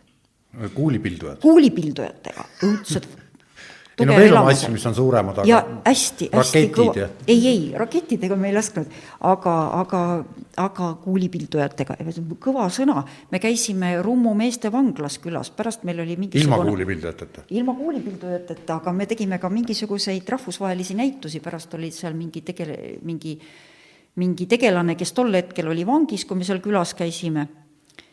pärast oli ta juba vaba ja ta osales seal meiega koos ja ta tegi Paavle filmis, need tüübid seal esinevad, ühesõnaga see kõik oli nagu hästi tihe, hästi mitmekesine ja, ja raputas sellisel viisil läbi, et et kogu aeg ainult üks, mis teadsid, kogu, kogu aeg said nii väsinud, et saaks välja magada, aga, aga see oli, see oli hästi kihvt ja et et ma armastan seda Toomikut ka siiamaani nagu Tiit Pääsukest, lihtsalt nad on nagu sellised isakujud. Nad on nii palju õpetanud või nii palju seda elu rikkamaks teinud. et kui ma saaks äh, soovitada, ma ei tea, kas Toomik enam teeb, Toomik ju teeb praegu maalikateedrit EKA-s, et, et see Toomiku aeg seal, see oli, see oli vaimustav ja, ja ma arvan, et mina ei ole nüüd ainus, kes seda räägib, ma arvan, et kõik olid vaimustatud, kõik tema õpilased. ja, ja muidugi see enam-vähem kõikidel nagu mingil hetkel keegi läks kuskile Edinburgh'isse või kuskile, ma ei tea, kuhugi no,. sa ise nagu, õppisid ju ka seal kuskil? mina käisin hästi lühikest aega ja ma ei võtnud selle ennast üldse arvele, ma nagu vaatasin seal mõtle, ei võtnud arvele? ma ei, sellepärast, et seal Edinburgh'i ülikoolis ei oleks mitte midagi teha olnud, see oli nagu nii vanaaegne. aga, aga samas seal oli, oli näiteks, seal oli linnas nii palju muuseumites ja no seal on vaadata. Äh, kõige pingem festival ju. et mida ma seal ülikoolis vaatan, kui nad maalivad sellist noh, vaasi lilledega või et seal oli sedasorti see kunstiõpetus. no kuidas sinna sattusid või miks? ei no see oligi, see oli selle EKA raames üliõpilased said käia, et siis tekkis selline võimalus käia, mina olin hästi lühikest aega, aga see oli huvitav. aga põhimõtteliselt siis äkitselt murdis elu vahel, et, et ühel hetkel oleks pidanud siis hakkama mõtlema, et kuidas siis nüüd seda akadeemilist värki seal nagu otsad kokku viia. aga siis äkki tehti pakkumine, et, et oi, et sul on võimalik, et haara asjast kinni, ma isegi ei tea, kuidas, kes seda nagu sosistas kõrva, et, et tead, et praegu on selline hetk, et võidakse, et on tekkinud selline olukord, riigis on mingisugune noh, ühesõnaga kultuuriministri, ministeeriumi all sai hakata looma loomeliite, tähendab loomeliidud, mis olid räägime, Iiro. loomeliidud, mis olid äh, nii-öelda sellised. mil, mis ajast sa praegu räägid? see oli nüüd kaks tuhat viis, kaks tuhat viis. Näiteks Kunstnike Liidu alaliidud, kes olid lihtsalt alaliidud ja said seal Kunstnike Liidu käest noh, mingi nelisada, ma ei tea, krooni või no mingisuguse või ma ei tea, kuidas see raha, no ühesõnaga mingi või neli tuhat krooni või mingi üliväike raha, mille, mille eest siis no neli no,, sada või neli tuhat. no mina ei tea, ma ei tea, see kroon oli, ma enam ei mäleta. no ühesõnaga, küsimus oli selles, et, et me olime nagu ülivaesed ja meil oli nagu väga kehv hakkama saada. seal äh, Kunstnike Liidu sees oli neid hulgim igasuguseid alaliitusid ja, ja äkitselt nagu ma ei tea, mulle tehti ettepanek, et ole sellel ole selle Kujundusgraafikute Liidu, ma olin hästi palju raamatuid kujundanud, palju saanud preemiaid just seal, sest ma mingil hetkel, see oligi minu töö, et ma tegin viis aastat seda nagu hästi intensiivselt, see on loomulik kirjastus, saatis nad kuhugi konkurssidele, ma sain kogu aeg mingeid preemiaid mingisugust paberifirmadelt ja seal kakskümmend viis kaunimalt. ja, ja, ja siis oli vist nagu loomulik see, et, et ma olin selline nagu puhas leht ja mulle öeldi, et seal liitudes ikka, kui inimesed on kaua olnud, siis keegi nagu kisub kellelgi seda teki pealt ära. aga mina olin selline puhas leht ja selline, kes tuli ja ütles, et oleme sõbralikult kõik ühes ruumis ja ärme noh, oleme sõbrad ja ja saame hästi läbi ja siis öeldi, hakka, hakka esimeheks. ja hakkasingi esimeheks ja kohe keegi ütles kõrvalt, et tead, et kui sa nüüd võtad kätte ja suudad selle liidu nii käima panna, et teed põhikirjad ümber ja et sul on võimalik see ümber profileerida selliseks loomeliiduks, keda riik tunnustab ja te hakkate riigi käest raha saama. ja, ja ma ei tea, see tundus nii huvitav ja põnev ja, ja siis ma tegin seda.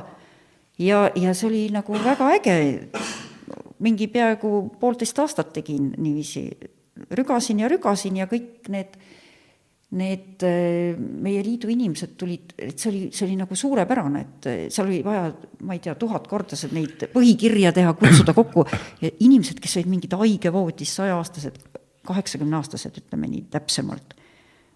kõik tulid kokku, me saimegi alati kvoorumi kokku, me muudatused tegime ja meid lõpuks meid äh, tunnustatigi ja nüüd me oleme selline loomeliit, et vot selline elu tuli vahele.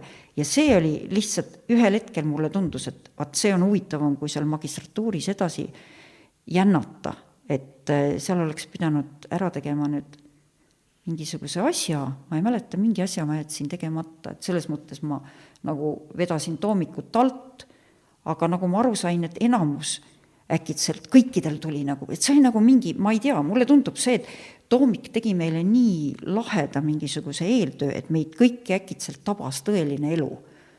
mind tabas, tuli nagu mingisugune uus väljakutse ja sa ei saanud enam seal vahtida edasi, et mul olid mingid punktid koos, et mul oli rohkem punkte kui üldse vaja, oleks pidanud nagu selle töö kokku kirjutama.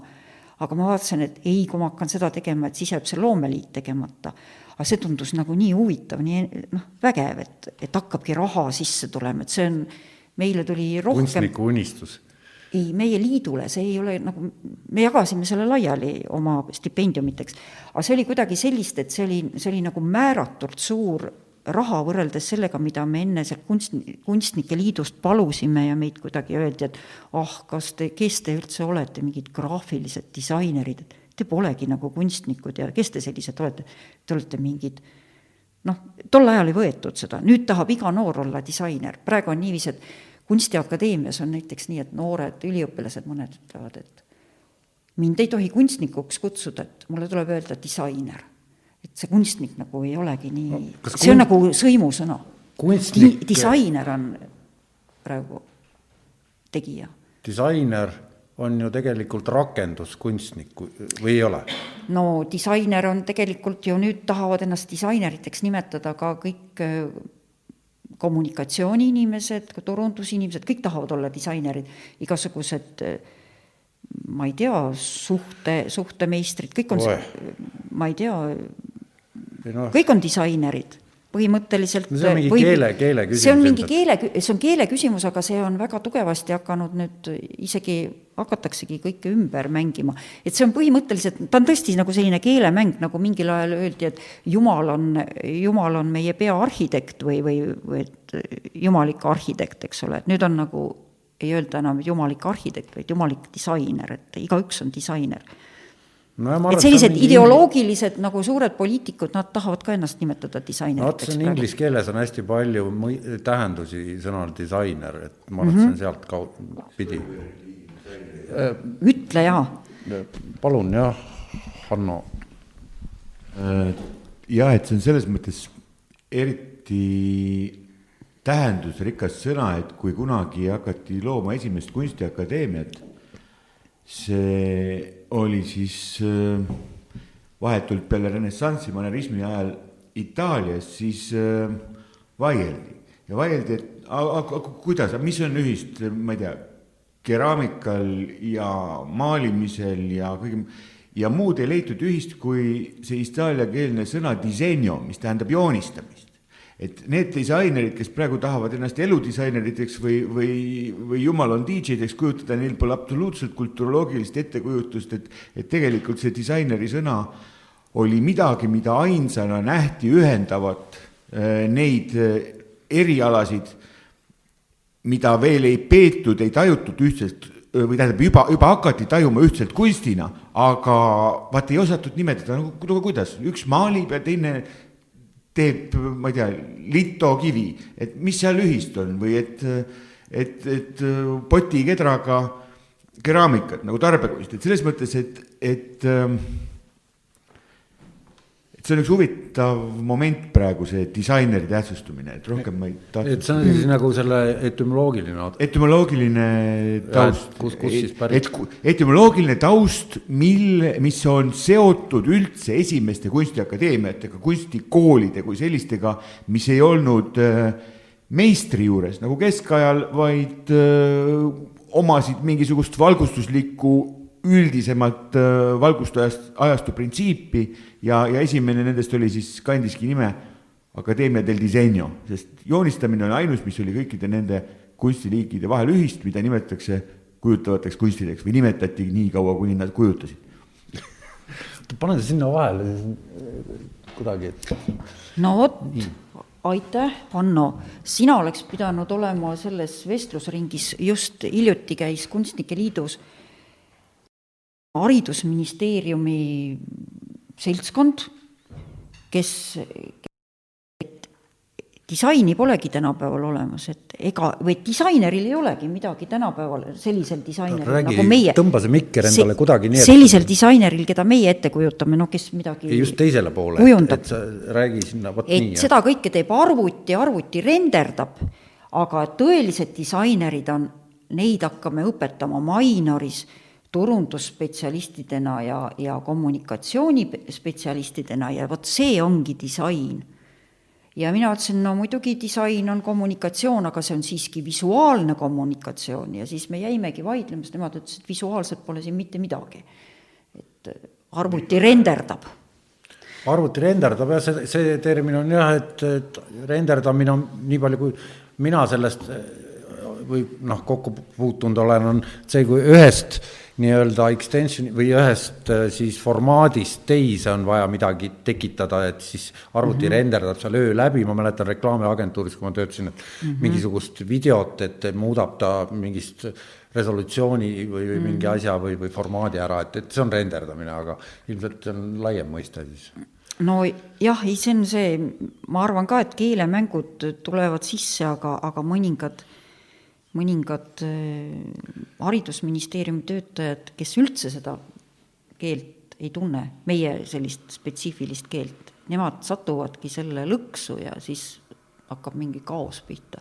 sest nad teevad pikaajalisi riiklikke plaane hariduse korraldamisel ja, ja näiteks sel hetkel, kui mina sinna kabinetti sattusin, oota, mis kabinetti nüüd? kunstnike liidus oli mingi seltskond koos, kuhu mind kutsuti ka vaatama ja kuulama ja ja ma sain aru, et need, kes olid sinna juba varem sisenenud, mingisugused noh, need inimesed, keda varem nimetati tarbekunstnikeks, nüüd nad on ka disainerid kõik, siis Kunstnike Liidu inimene, et nad olid ka suhteliselt kohkunud, sellepärast et seal oli umbes niiviisi, et meie hakkame, et kunstiakadeemias me õpetame maalijaid, joonistajaid, skulptoreid ja näituse installeerijaid ja neid valget kuupi noh, sina tead, kes see valge, valge kuup on, eks mm.. Need on ehitajad, need on põhimõtteliselt need, kes neid vaheseinu ehitavad äh, näitusesaalidesse mm. -hmm. aga, aga disainerid, need lähevad õppima Mainorisse koos turundajate ja kommunikeerijatega. ja mina ütlesin, kuidas siis nii, et disainerid peaksid ikka jääma õppima Kunstiakadeemiasse koos. ei no sotsiaalteadustes on ka täiesti disain mõiste olemas, et disainitakse ühiskondi, disainitakse nojah, ja, ja, selles see oligi, aga nemad kujutasid ette, et kogu disain ongi nüüd, kolib üle turundus, turundusinimestega koos turundavad ja, ja mitte mingisugust äh, mingisugust visuaalkultuuri ega mingisugust no, käelist räägi, oskust, ega seda pole enam vaja. turundamisest, et, et mina ei tea turundamisest midagi, anna andeks. vot see, sellepärast ma küsingi sinu käest, et, et kunstnikuna, et ennem sa rääkisid, et kõik on vaesed, raha ei ole ja nii edasi, see on niisugune alati olnud kunstimaailmas ja üldse kultuurimaailmas, nii palju kui mina mäletan, on, kõik on vaesed. et kas, kas on nüüd ajad muutunud, et meil on nüüd äh, üle kahekümne viie aasta juba vabariiki, juba varsti kolmkümmend, et ku-, kuda, kuda selle asjaga nüüd tänasel päeval on, et kas mõned on rikkad ka? oota, aga mina ei rääkinud seda, et kõik on vaesed, ma rääkisin, ma ainult mainisin ära seda, et et oli mingi kahe tuhande no, mingi kahe aasta, aastatuhande alguses oli üks Kunstnike Liidu alaliitudest oli eriti vaeses olukorras, me ei saanud seal mitte midagi, ja et seda olukorda, et mitte nurka nutma jääda, tekkis selline võimalus, ma mõtlesin, et keeraks selle olukorra hoopis ja, positiivseks. et oleks võinud ju seal hädaldada ei, ja ma, ennast ma, maha võtta. tegelikult võtta. tahtsin küsida aga, seda, et kas kunstiga aga, on nüüd juba täna Eestis aga mina ei saa seda rääkida, ma ei taha, ma ei taha, mina ju ei tea teiste rahakotti, ma ei vaata. ei, ma ei küsigi inimeste mm -hmm. nimesid äh, otseselt ega ka mingeid numbreid, ma mõtlen põhimõtteliselt, et kas rikas kunstnik tänases Eestis eksisteerib selline asi? rikas kunstnik, mul kohe tuleb meelde, et mul oli selline näitus, et maalikunstnik Põline rikas. no, No ilmselt see oli eksisteerib. irooniline pealkiri või? Ei no see on ikka, ma mõtlen seda otse. Muidugi irooniline, ei, see ei ole irooniline, põhimõtteliselt, põhimõtteliselt kunagi, kui ta just varem ära ei sure ja suudab kuidagi, kes elab kauem, see jääb, see on võidumees. mulle tundub, et, et, et mingil ajal noh, on võimalik kuidagi ennast ära elatada, aga et, et sa pead vastu pidama. sa pead, sa pead kogu aeg jooksma, sa pead olema nagu pidevalt trenni tegema, sa ei saa jätta, sa ei saa nagu, et tegin ära ühe näituse, kogu lugu, sa pead kogu aeg edasi panema, edasi panema ja mingil hetkel see asi läheb paremaks, see on selline naiivne jutt, aga aga põhimõtteliselt, vot mis ma tahtsin öelda, et tol ajal siis, kui ma nägin, et see meie loomeliit oli väga vaene, ja siis tegime ära selle asja, saime raha ja praegu tõesti on selline olukord. meie liidus on, ütleme, sada viisteist inimest, Kunstnike Liidus on tuhat inimest, no natuke alla tuhande, üheksasada, üheksasada kuuskümmend, ütleme nii. ja meie jagame oma stippideks välja rohkem raha, kui Kunstnike Liit jagab oma stippideks välja. sa mõtled nüüd Loome summa summarum või? meie saame, me saame kõik proportsionaalselt võrdselt seda raha riigi käest. Kunstnike liit saab siis ütleme nii kakssada tuhat eurot, meie saame seal mingi kakskümmend neli tuhat eurot. aga kunstnike liit on lihtsalt, seal on väga palju vaeseid inimesi, kellel ei olegi mingit sissetulekut. Nad viivad selle tõendi, et ma ei ole kuu aega mitte mingit sissetulekut saanud või no mingi väga väikest. Neile antakse see loovisiku toetus pooleks aastaks see on ühest küljest, see on miinimumpalk. Ei, kui palju teile, seal on ju, ega kõigile ei anta, kes no, küsivad. no nendele antakse, kes eh, noh, nii palju, kui raha jätkub. ja nüüd ongi näiteks selline asi, Kunstnike Liidus on see raha nii-öelda sellele toetuseks välja jaotatud, stippideks midagi järgi ei jäänud, et seadus näeb ette, et algul sa annad toetuseks, kui toetusest üle jääb, siis sa võid järgmisel aastal stipiks anda mm. ja, ja see on tegelikult ühest küljest on see tohutult traagiline, eks, et on nii palju neid inimesi, kes on nii vaesed, teisest küljest on see nii, et niikaua, kui see inimene saab seda raha pool aastat, tal ei tohigi olla rohkem sissetulekuid, sest siis võetakse see ära.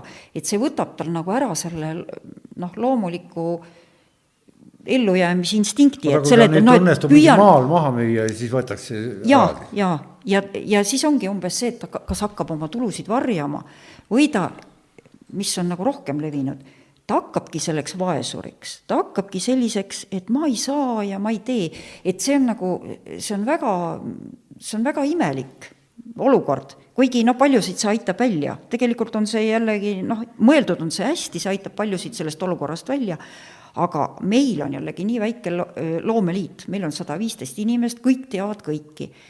ja, ja me teame nagu väga hästi, et mitte, mitte kellelgi ei saa sellist olukorda tegelikkuses tekkida meie liidu inimestest, no inimesed ju töötavad ja teevad midagi ikkagi. kes ei tööta, need on pensionärid või saavad mingit muud tulu. et sul ikka mingi tulu on, et, et kui sa lähed rääkima seda juttu, et mul üldse mingit tulu ei ole, et kas see on ikka päris õige jutt ja meil eriti ei tule seda keegi küsima, seda toetust, sest et kõik teavad, see on nagu naabrikontroll, eks ole, et kõik teavad kõike, et kuskilt ikka mingi raha tilgub. ja me saame selle kõik jagada stippideks ja see on hästi, minu meelest see on hästi elujõuline ja väga hea, sellepärast et stipp on kindlalt projektiks, sa teed mingi loomeprojekti, sa mõtled midagi nagu head välja, sa see, see on nagu selline väike hea knopka istumise all, et, et inimene tahabki, tähendab, et, et loomulikult sellest rahast ei jätku, et see ei kata ära kõiki kulusid, aga see on väike selline, et, et ma lähen kuskile, ma teen mingisuguse projekti, ma arendan, ma teen mingi näituse, ma teen mingisuguse kuraatoritöö või, või teen mingi raamatunäituse või no ühesõnaga, või, või sõidan vähemalt kuskile Londoni raamatumessile näiteks oma silmaringi arendama või ennast arendama või Bologna raamatumessile või, või kuskile muuseumitesse. ühesõnaga, et, et see loomestipp on tohutult hea ja selles mõttes vot noh, ma tahan öelda, et ma tunnen ennast jube hästi, et ma selle asja ära tegin ja mul on tohutult hea meel, et vot need inimesed kõik kaasa tulid sellega, sest nad oleks võinud ka öelda, et ah, me ei viitsi tulla ja, ja ma ei oleks kes saanud need inimesed, keda need, pead? need minu loomeliidu inimesed, et siis No. kui oli vaja seda, seda põhikirja ümber teha, see oli suur töö nojah, aga nemad seda ta- ju ka pretendeerivad ju potentsiaalselt samadele as- stipendiumitele. no põhimõtteliselt nemad seda huvi ju pidi ja olema. aga tol hetkel keegi ei uskunud eriti mujal, ega keegi ei uskunud eriti sellesse, et, et hea, et nad kaasa tulid selle jutuga, et ma ütlesin, et teeme ära, et, et teate, et siit hakkab tulema midagi, et, et siin koidab üks võimalus. meie, siis oli veel väga vähe neid loomeliite, praegu on seitseteist loomeliitu, siis oli, ma ei oskagi öelda, kas oli kas me olime neljas või viies, kes registreeriti ära, et mm. no ühesõnaga, see oli nagu tore asi ja, ja see õnneks kestab praeguseni, nii et et mingis mõttes kunstnikel on mingisugune väike no aga ma vaatan, sa oled ikka päris palju välismaal näitustel osalenud ja näitusi teinud, et need, ei ole väga palju, tead, tegelikult ma olen ikka väga vähe teinud. no ma ei tea, kui palju on palju, aga noh, ikka no, piisavalt. ma ikka tahaks rohkem. aga et eh, vanasti seda Nõukogude ajal, ma siis pean silmas, niisugust võimalust eriti üldse ei olnud. no ikka oli, vaata, Laapin ja, ja Meel on igal pool käinud, Malle Leis on esinenud äh, no okei okay, no keegi käis, aga enamus ei käinud, et mm -hmm. aga Mhm. nüüd on suhteliselt ikka inimesed teevad näitusi siin ja seal, et et kuidas, mis vahe on näitusel Berliinis, näitusel Tallinnas, et, et noh, et räägi, et kas see, kuna sa rääkisid rahast nii palju, et, et see ju kõik maksab, sinna sõitmine, sinna vedamine, asjade ülespanemine mm, -hmm. kuidas sellega on, et, et kas see on kasumlik või see on ent-, või, või vastupidi, et see on no. nagu feimi või noh, selle see on, see on üsna sarnane, nagu seal Kupras oli, et me teeme seda, me teeme seda nagu need delfiinid, kes, ma olin kuskil Mustal merel ja ühed delfiinid hüppasid seal, tegid tsirkuse mingisuguseid trikke, neile anti raha ja seal oli võrk vahel ja, ja selle võrgu taga olid vabad delfiinid, kes tegid täpselt neid samu trikke nende, nende vangistatud delfiinidega koos, sünkroonis lihtsalt lõbu pärast, sest neile meeldis seda teha. ja, ja mulle tundub, et enamus kunstnikke teebki seda praegu lihtsalt puhtast loomerõõmust ja kuidagi see annab nagu sellise, see annab nagu elule särtsu ja see annab eesmärgi ja tegelikult see teebki elu õnnelikuks. see annab mingisuguse noh, ma mõtlen, et, et see on võib-olla see põhjus, et meil on hästi palju selliseid vanu kolleege mitmes loomeliidus, hästi vanu inimesi aga sa ei tea, et nad on vanad. kui sa ükskord hakkad seda teadmikku vaatama või oled mingisugune, koostad mingit näitust, sa pead mingid andmed kirjutama, siis vaatad seda, et püha taevas, see inimene on, oh, mis selle inimese vanus on, mina pidasin teda kakskümmend, kolmkümmend aastat nooremaks. ja nad teevad ja loovad ja, ja et mõne, mõni on üheksakümneaastane, ta maalib. no see on, ja mulle tundub, et see on sellest mängurõõmust saanud saadud nagu selline energia, elaan, selline no vot maalimisega on see, et teil on nagu noh, seal kulusid nii suuri nagu eriti peale ei ole, et sa võid kodus ka seda teha, et teatris näiteks kui omal ajal tegime noh, üheksakümnendate alguses asju ka, kellelgi raha polnud, niikuinii kellelgi ei olnud, ei tulnud, et, et oli see entusiasm ja see oli võimalik. aga täna sa ei leia näitlejaid, kes tuleks sulle tegema tükki ja, ütled, et pappi pole, aga et mängi ikka, no ei, ei ole enam niisugust asja See- võimatu. tegelikult ei ole seda ka sellepärast, et näitlejate liit on väga tugev ja näitlejate liit on loonud eeskirjad, nad ei tohigi teatud piirist eh, odavamalt eh, oma trikke teha. Nad ei tohi nagu need vabad delfiinid lihtsalt pulli pärast mängida. tulen mängin lihtsalt ilma rahata.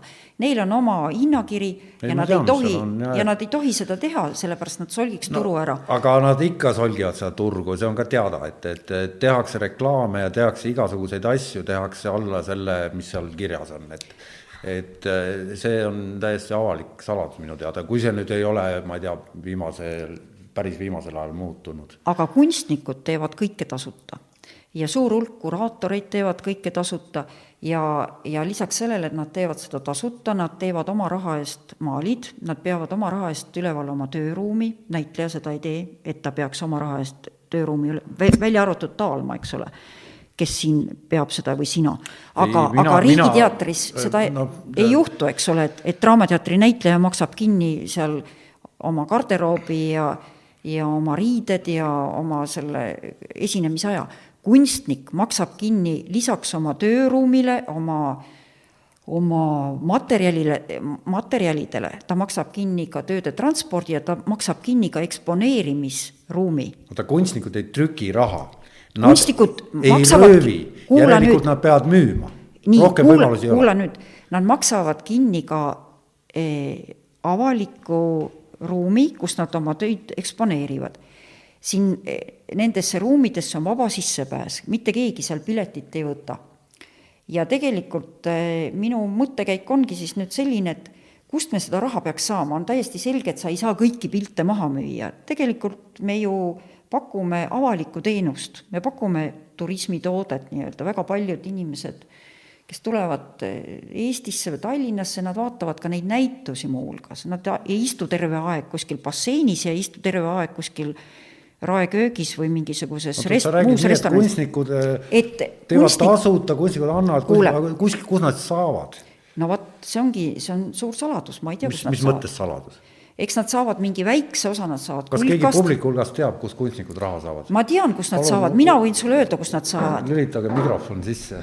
tahad, ma ütlen, kus nad raha saavad? Nad saavad perekonna eelarvest. see kõik, see avalikkusele antud toode, see turismitoode, mida siis eh, ütleme, turismisektor ütleb, meie ei, meie pealt ei tohi mingisugust maksu võtta, me jääme vaeseks, mingid hotelliomanikud jäävad vaeseks.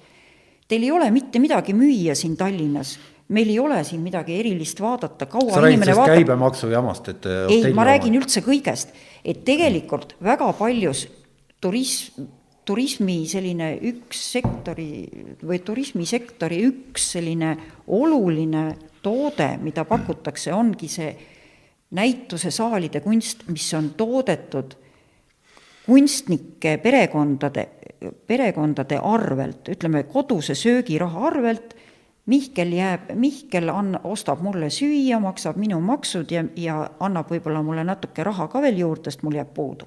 ja põhimõtteliselt niiviisi see toimubki igal pool, keegi, kelle, kellegi laps saab halvemini süüa, sest et ema tahab teha näitust. ja kunstnikud noh, ongi see, ma ei tea, kuidas nad ära majandavad. jääb mulje, et pere, perekond peab üleval. perekond peab üleval seda, esiteks seda lõbutsevat kunstnikku, eks ole, sest meie jaoks on see lõbu, aga teiseks ka seda, seda eh, kasumit eh, taskusse ajavat eh, turismisektori ütleme, kapitalisti, linnavalitsust, ükskõik keda, noh, ühesõnaga, kuskilt võiks ju see väike, väike selline rahasüst tulla kunstnikele. no ennem rääkisid, et kuskilt ju saite ju. Ei no see on, see on tühine, see on nii tühine, see on nii pisike, et, et see on pigem selline moraalne, et, et me nagu rõõmsalt sellised, nagu rõõmsad tsirkuseloomad ikka edasi paneks, meile lihtsalt meeldib seda teha.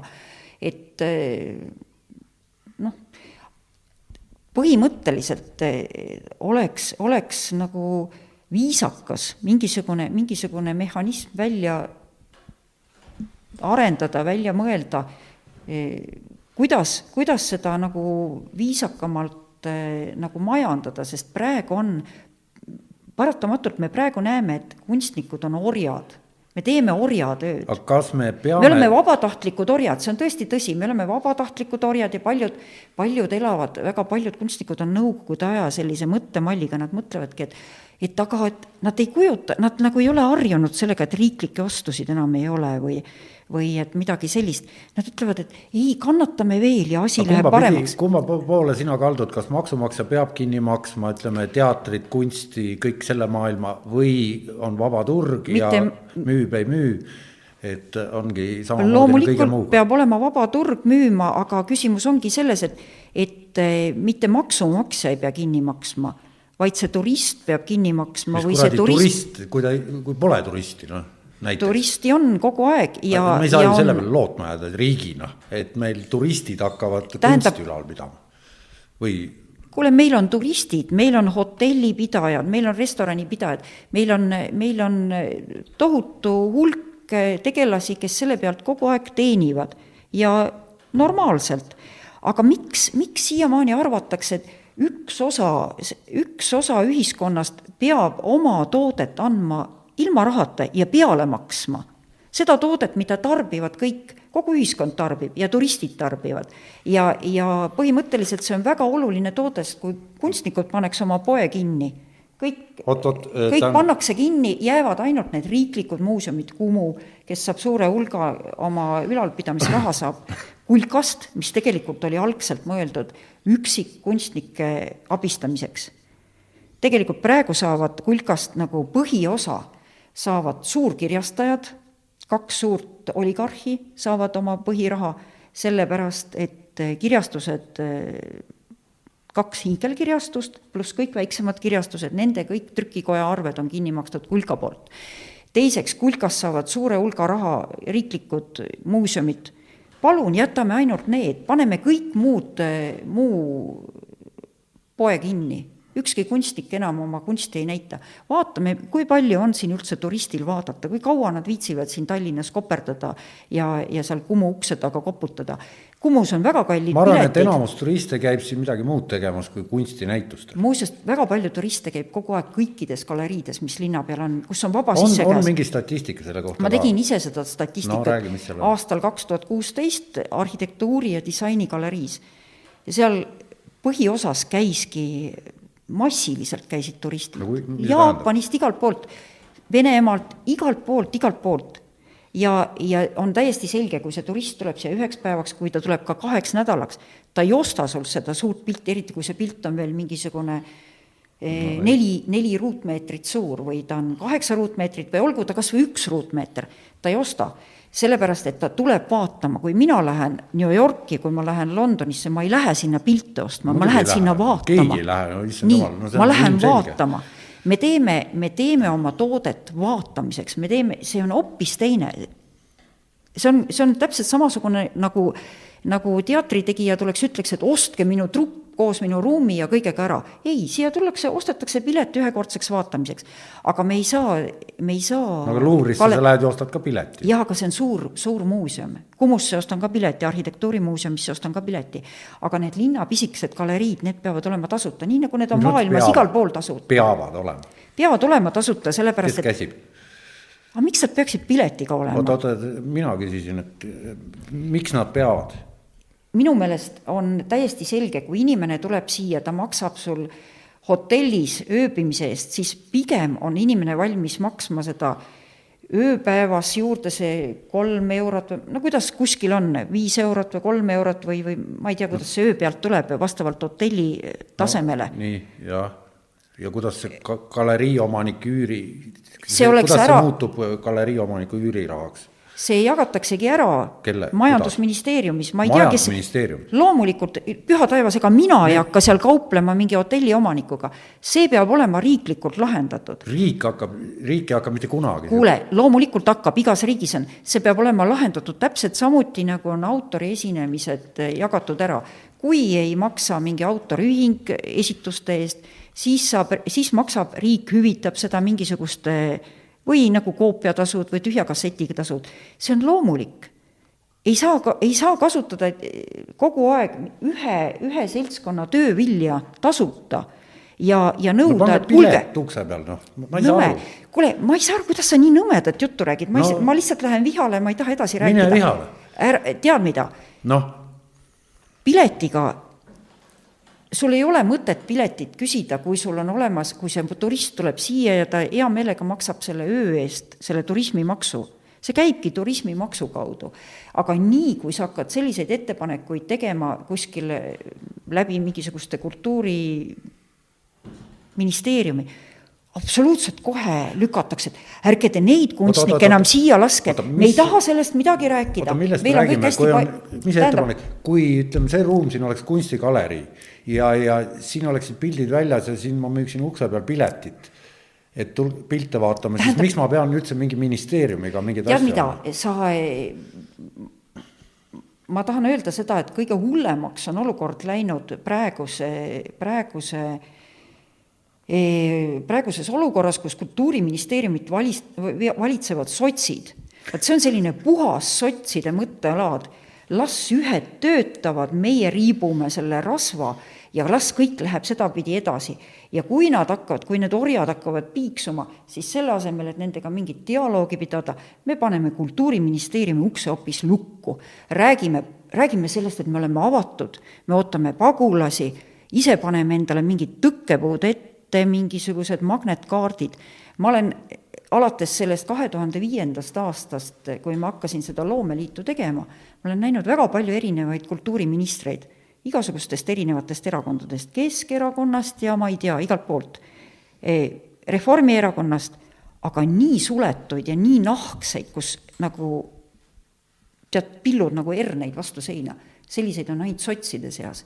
Nad on täiesti dialoogivõimetud. praegu sa vajatasid kivi otse teatri kapsaaeda. Nad panevad uksed lukku, nad ei räägi, nad ülbitsevad no,. Nad lihtsalt. no korraga on üks ikka minister ei no seal on terve hulk kantslereid või, või asekantslereid, ametnikke, et äh, no, nii on no,, nii on paraku. jah. ma tahtsin mm,, mõtlesin, et enne provotseerin ja ütlen, et umbes, et rikas ja õnnelik kunstnik, see on Hitler, Hitler oli suurepärane elukunstnik ja jutt sellest, kuidas ta eh, ei osanud, ei osanud maalida või mida ta oskas maalida, on täielik nonsenss olen seda asja natuke uurinud, aga provos-, puhas provo-, provokatsioon, et teine provokatsioon oli, et ma mõtlesin just, et, et ma astusin hiljuti äh, Kunstnike Liidust välja äh, lihtsalt sellepärast, et äh, omandades mingisuguseid äh, algelisi kirjastamiskogemusi ja andes välja kunstikuraamatut, tajusin ma, et äh, et äh, kõige tobedam selle raamatu väljaande juures ja kõige kaitsetum on olla kunstnik äh, ja Kunstnike Liidu liige. noh, see protest muidugi astud Kunstnike Liidust välja, see ei tähenda kellelegi midagi, aga aga, aga noh, minu oma väike mäng, aga siis ma tahtsin tegelikult Tiina Tammetalut toetada selles mõttes, et see, mida ta räägib kunstist, on, on nüüd viimase ma ei tea, kolmekümne tunni jooksul meedias väga intensiivistunult äh, ähm, on oma õigused ette võtnud äh, teadlased ja, ja siin on nüüd kunstiga niisugune asi, et äh, alates kuskil kahe tuhandetest aastatest eriti kiiresti käivitus see arenenud maal Soomes, aga meil kümmekond aastat hiljem on aru saadud, et ka kunst on öö, mitte ainult emotsioonide ja tundlemiste valdkond, vaid teadmise valdkond ja eksperimentaalse teadmise valdkond.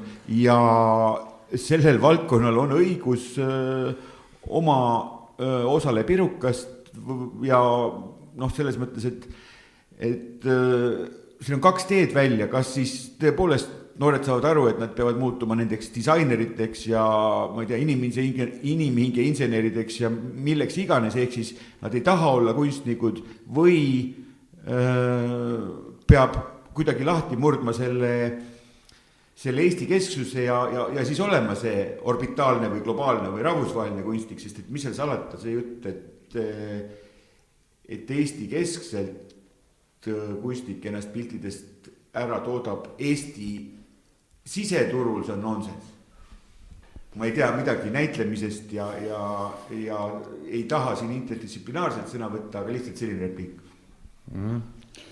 jah, Eesti kunstiturg on väike ja Eesti on vaene, selles mõttes, et Eesti inimene on vaene, et tal on väga suur hulk inimesi lihtsalt tuleb ots otsaga kokku ja on täiesti selge, et ta ei hakka mingeid pilte ostma.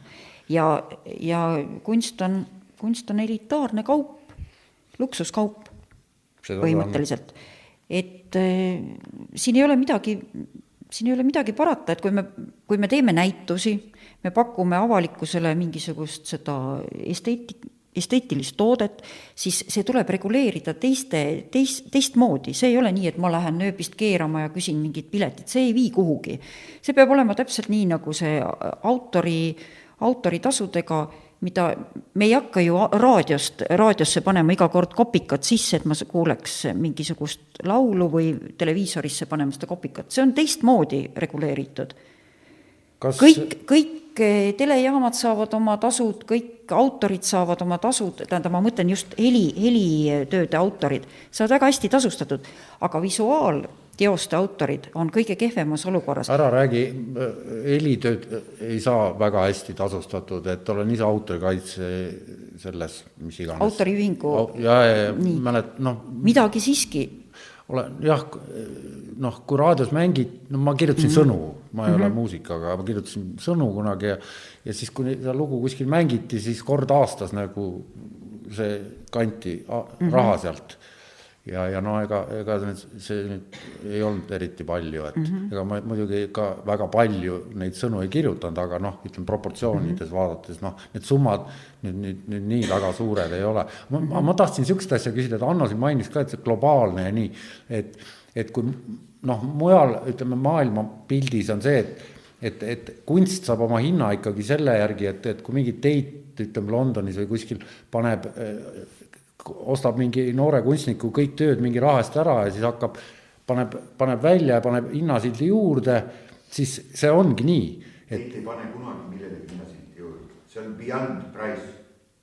Oota, võta, võta palun, kui sa räägid, et ja ära Eh, kalju sinna sisse, vaid räägi. on, on galerid, aga kui sa räägid Teitist lihtsalt äh, see, mis teeb kunsti hinna müstiliseks või teeb kunstist või kultuurist ülima kauba, on see, et teatavast tasemest ülevalpool, teatavast öö, ütleme, munitsipaaltasandil turust ülevalpool, tõesti rahvusvahelisel kunstiturul, kui öö, Tate Modern ostab midagi, siis, siis jah, uuritakse lõpuks välja, palju see asja maksab, aga mitte kuskil ei ole hinnasilti juures, see on, see on noh, ja, ja mitte kuskil öö, galeriimaailmas, kes Tate'ile müüb, ei avaldata neid hindasid, sest öö, noh, kogemus on see, et sellest öö, tuleb alati suur jama, jama, millest muideks tuleb kunstiturule väga kasu, aga noh, kõik see vaht hinna ümber, aga aga, aga fakt on see, et öö, teatavast sfäärist ülevalpool on need surma, summad öö, kosmilised. et, et noh, minu küsimus oli või, või see pigem jah, et mis ma tahtsin öelda, on see, et, et, et ma uurisin hiljuti ühte art-, art- või lugesin ühte artiklit, kus arutleti selle üle, et kust tekib äh, kunstile hind. kuni selleni välja, et töötati välja üks äpp äh, nimega Magnus, millega siis saab äh, vaadata, käidi läbi, ma ei tea, terve maailm enam-vähem ja, ja vaadati, et kust pilt tekkis, kus galeriisse ta jõudis, kuhu ta edasi jõudis ja mis hetkest ta hakkas maksma ja, ja, ja kes.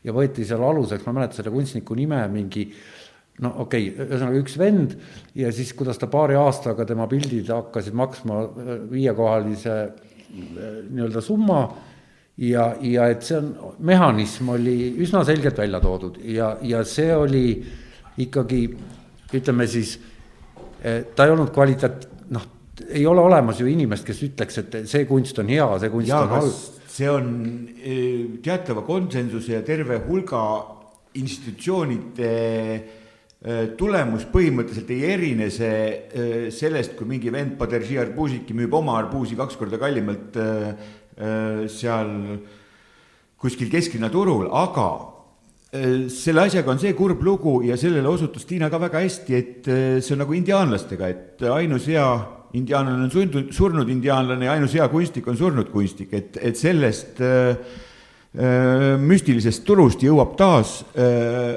reaalsele kunstnikele, väga üksikutele valitud, ülivalitud superstaaridele äh,, kes on äriliselt äh, ja, ja kunstituru vaistult väga osavad, jõuavad suured summad aga see kõik on petumehhanism, millega kogu seda ülejäänud karja nagu meelitatakse nagu Hamelini äh, see vilepillimäng. pealegi see, millest Hanno rääkis, see on maailmas, Eestis kunstiturg puudub. Eestis ma- ei olegi kunstiturgu, et kui me näeme siin, et meil on üks väga edukas galerii, kes tegeleb äh, kunsti ekspordiga, siis äh, kui seda lähemalt vaadata, siis see eksport on ka selline jutumärkides, sest nad, nad viivad, nad viivad küll meie kunstnikud mujale, aga nad ei paku neid või te, tegelikult mitte midagi ei ole jõudnud nendest töödest kuhugi korralikesse galeriidesse või maailma kunstiturule.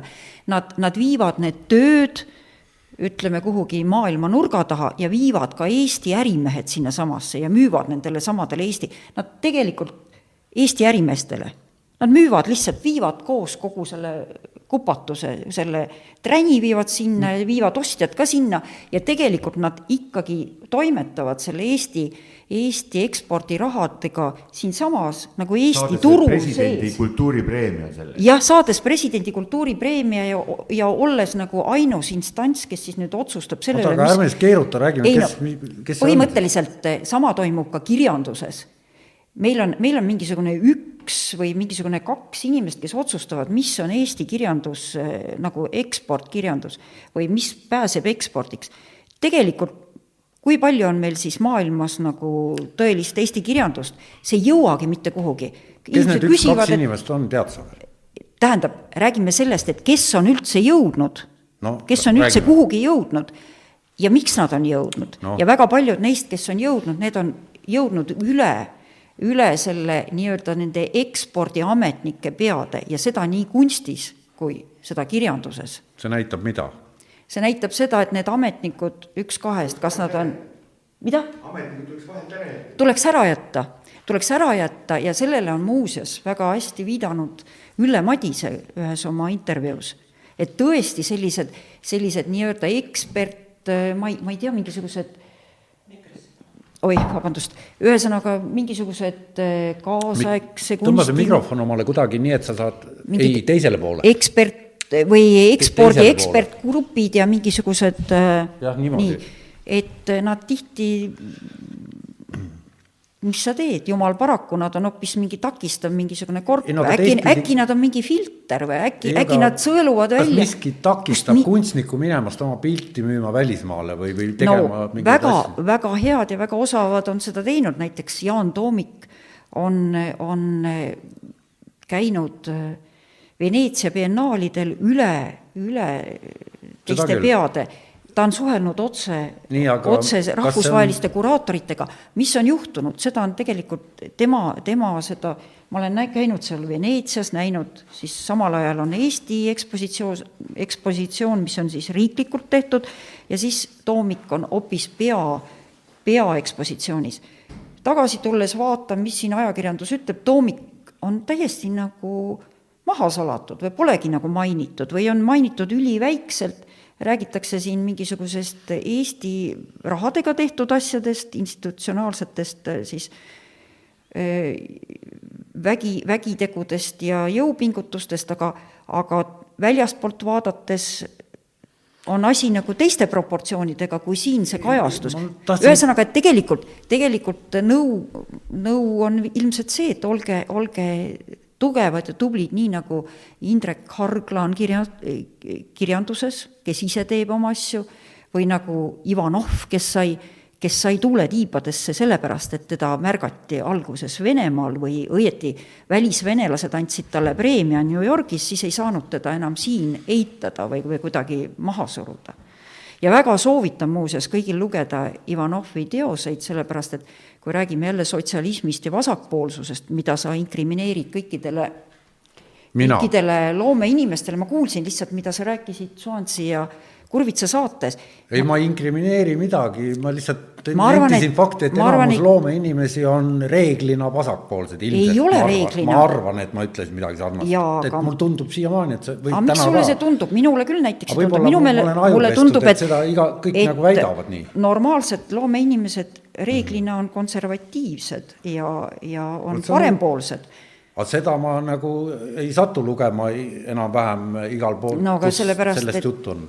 no vot, ma ei tea, miks, võib-olla konservatiivne inimene säästabki, säästabki ruumi ja ei, ei lähe igale poole rääkima, aga, aga et et ma mõtlen, et kui sa, kui sa arvad või kui sulle tundub, et suur hulk loomeinimesi on vasakpoolsed, vaat neile vasakpoolsetele ma seakski sellise või soovitaks, et vaadake peeglisse, vaadake seda, lugege Ivanovi Pisar või oli see mingisugune Pisar, eks, see on selline peegel vasakpoolsetele, vasakpoolsed inimesed, kes on läinud vasakpoolsesse riiki ja otsivad seal varjupaika, et jumala eest mitte siin varakapitalismi tagasi neid ei paisataks.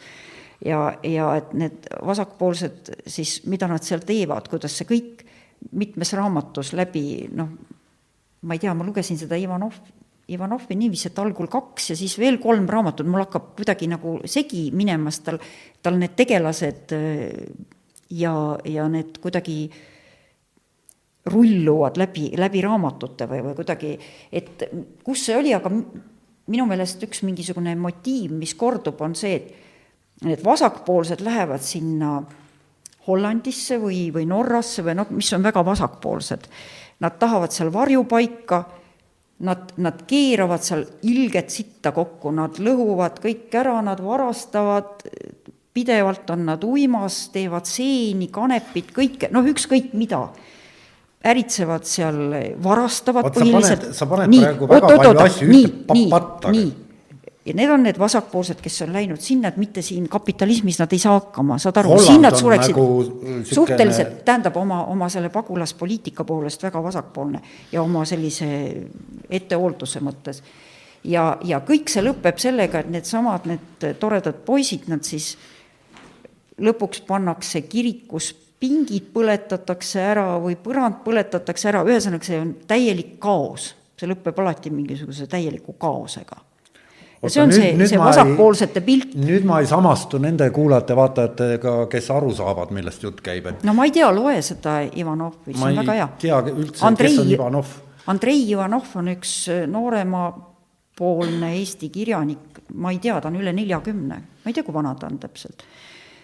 Ja ta kirjutab vene keeles, mina isiklikult teda ei tunne, aga olen näinud, ta kirjutab vene keeles, otsekohe see tõlgitakse eesti keelde Veronika, Veronika, ühe Veronika poolt mm, -hmm. kes on väga hea tõlk ja ega ma ei teagi, kui ma oskaks vene keelt, ma muidugi huviga loeks, et kuidas see Ivanov siis ise kir-, kirjutab, äkki on see Veronika nii hästi tõlk-, äkki on see Veronika kirjutatud raamatud, need niivõrd head. ja, ja ta on selline hallipassimees, nagu ma aru saan, ja paar aastat tagasi siis vasakpoolsed kirjanikud alustasid sellise kampaaniaga, et nõuame, et Eesti riik annaks talle Eesti passi. oota, nüüd sa ütlesid siis... vasakpoolsed no, kirjanikud, et nüüd sa pead siis ikkagi ja. minema täpsemaks, et no, no, ja. kas meil on niisugune Jan, Jan Kausi, Jan Kausi eest, eestvõttel, aga ma, mulle tundub, et vot kui, kui vasakpoolsetest kunstiinimestest rääkida, siis võib-olla kirjanike seas neid tõesti on palju.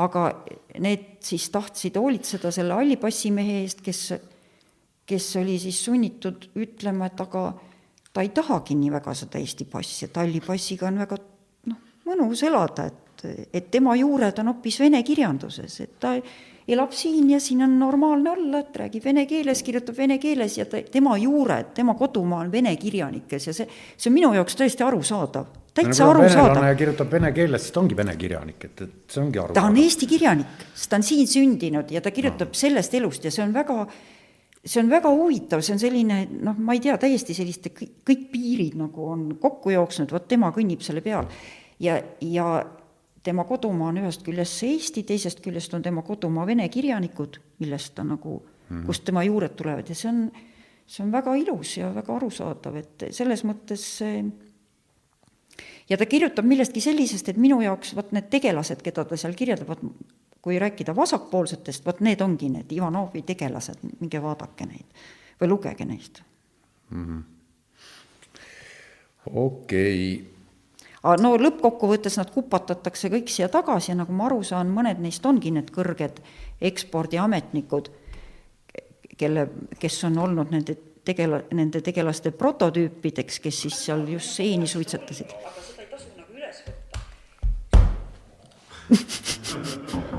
ma ei tea, kuidas see juhtus praegu ei, ma lihtsalt tahtsin viia jutu homse peale aga nüüd ma vaatan, kas ma saan selle niimoodi. jaa, ma, ma näitan seda teile kõigile.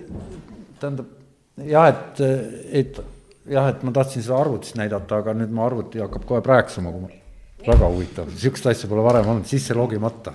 no aga mis siis nüüd saab? ma ei tea, meid jälgitakse, fooliummütse on no ühesõnaga, homme on. homme on. kas sa ise ütled või? kes näitab, kuidas? ma ei, noh, oota, ma proovin ikkagi, et ma saan, kuidagi nii, sain hääle maha. oota, ma saan selle pildi siit kohe kätte, ma ei tea, mis juhtus ja mis. aa, ma räägin nii kaua seda, et tulge, tulge homme kell seitse õhtul Kuku klubisse, Tallinna kunstihoonesse, Vabaduse väljak kaheksa, keldris, kui keegi ei tea, kus Kuku asub. võib-olla mujal linnas ei tea, aga tulge kella seitsmeks, seal on eh, Eesti maalikunstnike näitus, mis on tehtud eksprompt, niiviisi hästi kiiresti, Kuku klubi, Kuku klubi kaheksakümne neljanda aastapäeva auks. ja mina koostasin ja korraldasin selle, seal esinevad Lembit Sarapuu, Mari Roosvalt, Mati Kütt, Vilen Künnapuu, Jaan Elken, Tiina Tammetalu, Raul Kurvits, Tiit Jaanson, Lilian Osolainen, Tiiu Rebane, Karl Kristjan Nagel ja kell seitse hakkab meile rütme ja helisid tegema DJ Tarvi Laaman, kes on ka kunstnik. et äh, homme siis kogunevad sinna kunstnikud ja, ja muidu Kuku sõbrad ja siis me saame rääkida Kukust kui tähtsast kohast, kust me ei taha mitte sammugi taganeda, kuigi vahepeal seda püüti vot see oleks küll üks huvitav teema, et, et Kuku klubi kui selline, et äh, kõik äh, ilmselt teavad, mis asi see on, kes meid kuulavad ja vaatavad, aga kõik ei tea, mis see oli, enne kui ta päris avalikuks läks ilmselt. seda et... ei tea vist meist mitte keegi, võib-olla Anno teab, koos isaga võib-olla käis. kas see ei ole juba täiesti suur ja eraldi teema, millest võiks terve saate teha? see on absoluutselt eraldi teema ja sellest just sellepärast tulgegi homme Kukusse, äkki on seal mõni, mõni inimene, kes on eriti vanast või vanadest aegadest, näiteks Lembit Sarapuu teoreetiliselt võis olla Kuku klubis istuda juba viieaastase poisina, kui Kuku klubi loodi. kolmekümne viiendal aastal, kui ma ei eksi, oli või? kolmekümne viiendal aastal Kuku klubi tehti lahti ja Lembit, Lembit saab järgmisel aastal üheksakümmend. Ja tema pilt on seal näitusel, tema pilti on kõige rohkem tahetud osta, aga see pilt ei ole müüdav ja see kuulub kas need pildid, mis seal üleval on, need ei ole müügi, müügis või? peale Lembitu pildi on võimalik kõiki kaubelda ja neid. tema pilt on see Toome kurega. jah, see on see pilt. ja, ja, ja seesama. selle pildi nimi on eh, jutuajamine esivanemaga, nii et see sobib ka selle Kuku klubi teemasse, et see põhimõtteliselt Kukus, Kukuga koht, Kukus kohtumine ongi nagu kohtumine esivanemaga ja see pilt kuulub Vilen Künnapuu kunstikogusse. kas need on eh, kõik erakogudest need? Need kõik pildid, mis seal on, neid on võimalik osta Kuku baarist. et selles mõttes on Kuku eriline koht. oota, aga võib-olla mõni ei tea, kus see asub. maale, maale osta. keegi võib-olla ei tea, kus Kuku klubi asub, siis asub kunstihoone all keldris. Vabaduse väljak kaheksa on vist või? just, punaste sammaste vahelt sisse. Viiralti kohviku all, nüüd, nüüd ta ei ole enam Viiralti kohvi, mis ta ja, nüüd on? tuum. tuum, jah. ja no vot, ja Kuku on selline, selline koht, mis on läbi aegade, siis, kui ta oli kinnine koht, siis me ei käinud, me oleme liiga noored selle jaoks, aga et vähemalt minu üheksakümnendate alguses ikka käisime, siis ta oli veel kinnine. jah, mina käisin esi, esimest korda Tiit Pääsukese, Tiit Pääsuke, meie õpetaja, võttis ükskord oma kursuse ja viis meid sinna mm. -hmm. ja see oli kaheksakümnendate lõpupoolel ja pärast üheksakümnendate alguses, kui juba sai astutud Kunstnike Liitu, et, et seal on toimunud kogu aeg igasugused liitude koosolekud, kongressid, komisjonid, loomeliidud seal saavadki kokku, teevad oma aruandeid ja alati pärast käib suur tants, tagaajamine ja trall. Kas see Aga... on homme, tuleb ka tants ja tagaajamine ja Tarvi ja, Laaman? Tarvi Laaman väga pikalt ei esine ja pärast tuleb Kuku disko mis reedeti on väga meeleolukas ja kestab kella kuueni välja. ja, ja on väga demokraatlik, seal tantsivad läbisegi iga, igast põlvkonnast inimesed. aga seal on peetud ka matuseid, seal on peetud pulmi, kui ma meenutan, on Kurvits abiellus seal Ene-Liis Sempe, Semperiga, seal on peetud juubeleid, seal on peetud igasuguseid asju. ja lugematuid esikapidusid. jah ja seal on niisama ju logeletud, aga, aga see, see on tore koht et.... jah, aga see on üks teine saade ja väga pikk saade, ma arvan, mis, mida sellel teemal aga noh, me selle, sellest inspireerituna siia kokku tulime. jaa, et, et homme kindlasti olge kell, viis. olge kohal ja seal ei ole mingisugust piletit ukse peal. Õhtul sellel Kuku diskol ilmselt on pilet, sellest mina ei oska midagi rääkida, aga selle näituse ja kunstnikega kohtumisele ja Tarvi Laamanile on vaba sissepääs. ja, ja kunstnikega saab äh, pärast äh, juttu ajada, küsimusi esitada ja, ja, ja vestelda. jaa, ja kuna siin on tulemas Vilen Künnapuu ja Mari Roosvalt ja Mati Kütt ja loodetavasti Lembit Sarapuu ikka tuleb ka Õismäelt kohale, et siis igaüks neist räägib ehk midagi oma, oma ajast ja oma kogemustest, igaüks on seal olnud mm -hmm. omal ajal. aga siis üks seltskond, kuhu kuuluvad siis Kurvits, Jaanson, Mosolainen ja mina, meie oleme ühe põlvkonna inimesed kes on siis sealt üheksakümnendatel aastatel hakanud käima ja siis on meil kaks noort tutvuse, tutvuse kaudu ka. Noh, et okei. poliitiliselt korrektne olla, me oleme võtnud ka kaks noort kuule, aga siin sa maini-, vot äh, nüüd äh, ma tahaks küsida, et, et si- see seltskond Kurvits ja, ja tuletab mulle meelde seda rühm D mm, -hmm. sina olid ka seal olin Ja mingi aeg, see rühm D on selline voolav, seal oli mitmesuguseid erinevaid liikmeid ja eri aegadel. ja ma tahakski võib-olla, et äh, see, et see oli see aeg ju, see, see oli üks esimesi rühmitusi, ma, ma ei pea, muidugi loomulikult kuuekümnendatel ja ma ei pea mm, -hmm. need olid ju enne juba. aga just see, ütleme, see meie põlvkonna või see ärkamise aja, see uue vabariigi, kogu selle perioodi nii-öelda, see oli üks esimesi seltskondi, kes tegi oma rühmituse ja hakkas väga agressiivselt tegelema performance'ide ja seda Jaa. laadi asjadega, mida enne seda keegi ei teadnudki, mis need on mm. -hmm. et, et võib-olla paari sõnaga räägida, et mis te, mis te, mis teil nagu täht, tähtsündmused, mis täna meeles on, mis iseloomustavad kõige paremini seda ja miks ta laiali läks ja miks ta tekkis? tegelikult Pigem. selle rühm D ellukutsuja tuumik oli Raul Kurvits ja Muru ja siis Urmas nad, Muru. Urmas Muru, jah, Raul Kurvits, Urmas Muru, kes olid hariduselt arhitektid. Nad olid Mosolaise ja minu põlvkonnakaaslased, aga nad olid kunstiinstituudis, ehk siis ERKis õppisid mõned aastad varem. Ja nemad kaasasid oma rühma või grupikaaslase Peeter Pere. Ja siis, kui mina nendega liitusin, siis me tegelikult tegime maalinäituse, seal ei olnudki üldse mingeid installatsioone ega asju, see oli kuskil Tammsaare muuseumis, kõigil olid suured maalid. Ja siis oli veel järgmisel aastal oli mingi näitus, kus juba vist Kurvits tassis mingit raudkolakat ka aga see kohale. oli veel nõukogude ajal isegi. See oli nõukogude ajal jaa, ja see tegi palju, siiski mingid kolakad ja asjad olid, sest see tegi palju meelehärmi tollasele Tammsaare muuseumi direktorile Helem Treierile, kes on Heie Treieri, kes oli Heie Treieri isa. Ta kartis, et äkki me lõhume Mistra ära ja tõepoolest seal juhtuski igast asju, näiteks Mistr, oota, kus siis see toimub? no Tammsaare, Tammsaare muuseumis siis oli seal, Mistra. seal oli roheline Mistra ja üldse olid seal suured eksponeerimisruumid, see oli tegelikult selline noh, hea koht, seal oli terve alumine korrus, oli näitusesaal. ja, ja ma mäletan seda, minu meelest see, ma ei tea, kas Kurvits ja Muru seal midagi ära lõhkusid ja igatahes minu suur pilt, kus, mis oli, kas see oli üheksakümmend kuus või üheksakümmend seitse või üheksakümmend kaheksa või no mingi selline aeg, selle pildi nimi oli Mure mulla pärast oota, üheksakümmend kuus, seitse või kaheksakümmend kuus, seitse?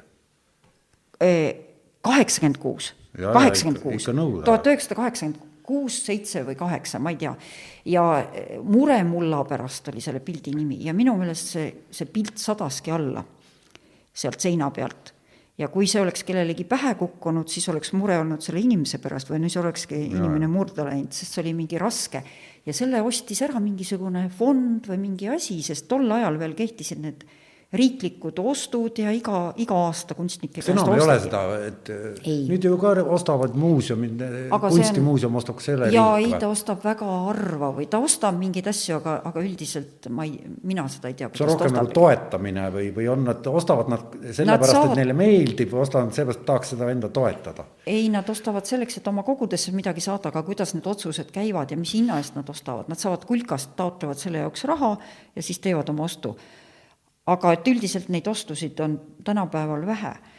ja, ja siis see rühm D oli tollal siis koos sellise seltskonnaga, kes oli seal Tammsaare muuseumis ja kuskil me olime veel ja siis hakkas see tuumik oli ikkagi Kurvits ja Muru ja ta äh, hakkas teisenema, seal tuli, Kurvits juba angažeeris sinna Avdjuško ja nad hakkasid siis tegema rohkem mingisuguseid performance'e, mingid no ühesõnaga, et ma ei tea, kuhu see läks ja kui kaua nad üldse vastu pidasid, et no see ma seda sinu see, käest küsingi, et aga mina ei tea, sa pead seda Kurvitsa käest küsima, sest Kurvits on õige inimene seda vastama, see on tema, tema aga tema see, õigus nagu aga igatahes see on mul meeles kui täiesti nähtus, mis tekkis äh, täiesti ootamatult ja, ja mi- mille sarnast meie põlvkond küll polnud näinud.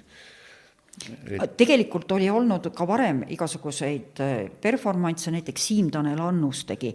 Siis, tegi. siis tegid mitmesuguseid asju juba varem, oli väga legendaarne tegija, kes kaevas maad ja tegi võimsaid asju, oli eh, Jüri Okas. Siis olid seal mingid grupid, kuhu kuulusid Laapenid, kes tegid seal juba ka mingisuguseid asju, aga, aga Okase tegevus ja siis edasi Siim, Siim-Tanel Annuse tegevus, need olid, need olid varasemad, enne seda rühmteed ja need olid väga, väga võimsad, suured. aga nad olid selleks ajaks nagu kuidagi kaheksakümne kuuendal aastal kusagil Läänemaal parvedega, tuledega, tõrvikutega mere Mhm. peal, seal oli mingi päris huvitav selline üritus, oli mm. -hmm. noh, üliõpilaspäevil, et mm, -hmm. et seal taidlesime. aga jah, et, et performance'id oli, oli, oli selline asi, mis tekkis ja ma mäletan, selle ümber käis tõsine poleemika, kas see on ikka kunst või on see niisama mingisugune tsirkus, et, et noh, et kunst on ikka see, mis on raami sees ja seina peal, noh, ja millest aru ka on saada midagi. aga no. siis hakkas mingi seltskond äkki niisama paugutama tänavatel ja, ja, ja see kuidagi tekitas niisugust ka-, kahetist vastukaja, ma mäletan. No tegelikult see oli tore, kui, kui, kui Kurvits ja Muru paugutasid, ma mäletan, et mingi suur asi, mis toimus, oli kunstihoones üheksakümne esimesel aastal, kus Kurvits oli kaasanud terve armee mingisuguseid noori õpilasi ja kes kõik tulid suuskadega kuidagi, suuskadega no, no, sammusid sisse seal. Kurvits tuli siia saatesse eh, mõni saade tagasi eh, kitarriga. Jaa, Kurvits on nüüd laulja, ma olen ta kuulnud. on filatelist ka. no ühesõnaga, ja ta on õppejõud, ta on vist dotsent isegi mm.. no ühesõnaga, tal läheb hästi, tal läheb hästi. ja tema on, kui sa küsid, et kas kunstnikuna elab ära, siis näed, Kurvits elab ära ja tal, tal läheb järjest paremini. sõbrapäeva kõne sain äh, Raul Kurvitselt, kes äh, laenas mult viiskümmend eurot ja ütles, et küll ma paari päeva pärast tagasi maksan ja nii see meil käibki. nii et hästi on väga suhteline mõiste soovime siitpoolt ka Raulile ja, ja sõbrapäeva. Raul, head sõbrapäeva.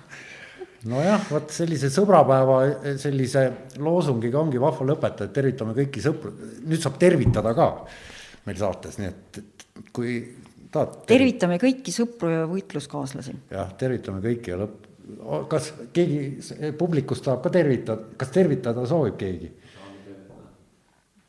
mingeid küsimusi või vastuseid? no siis eh, loeme kuuenda intrigeeriva pärastlõuna lõppenuks ja kohtumise järgmine nädal. The wind is flying near. When you feel you have the wind so loud.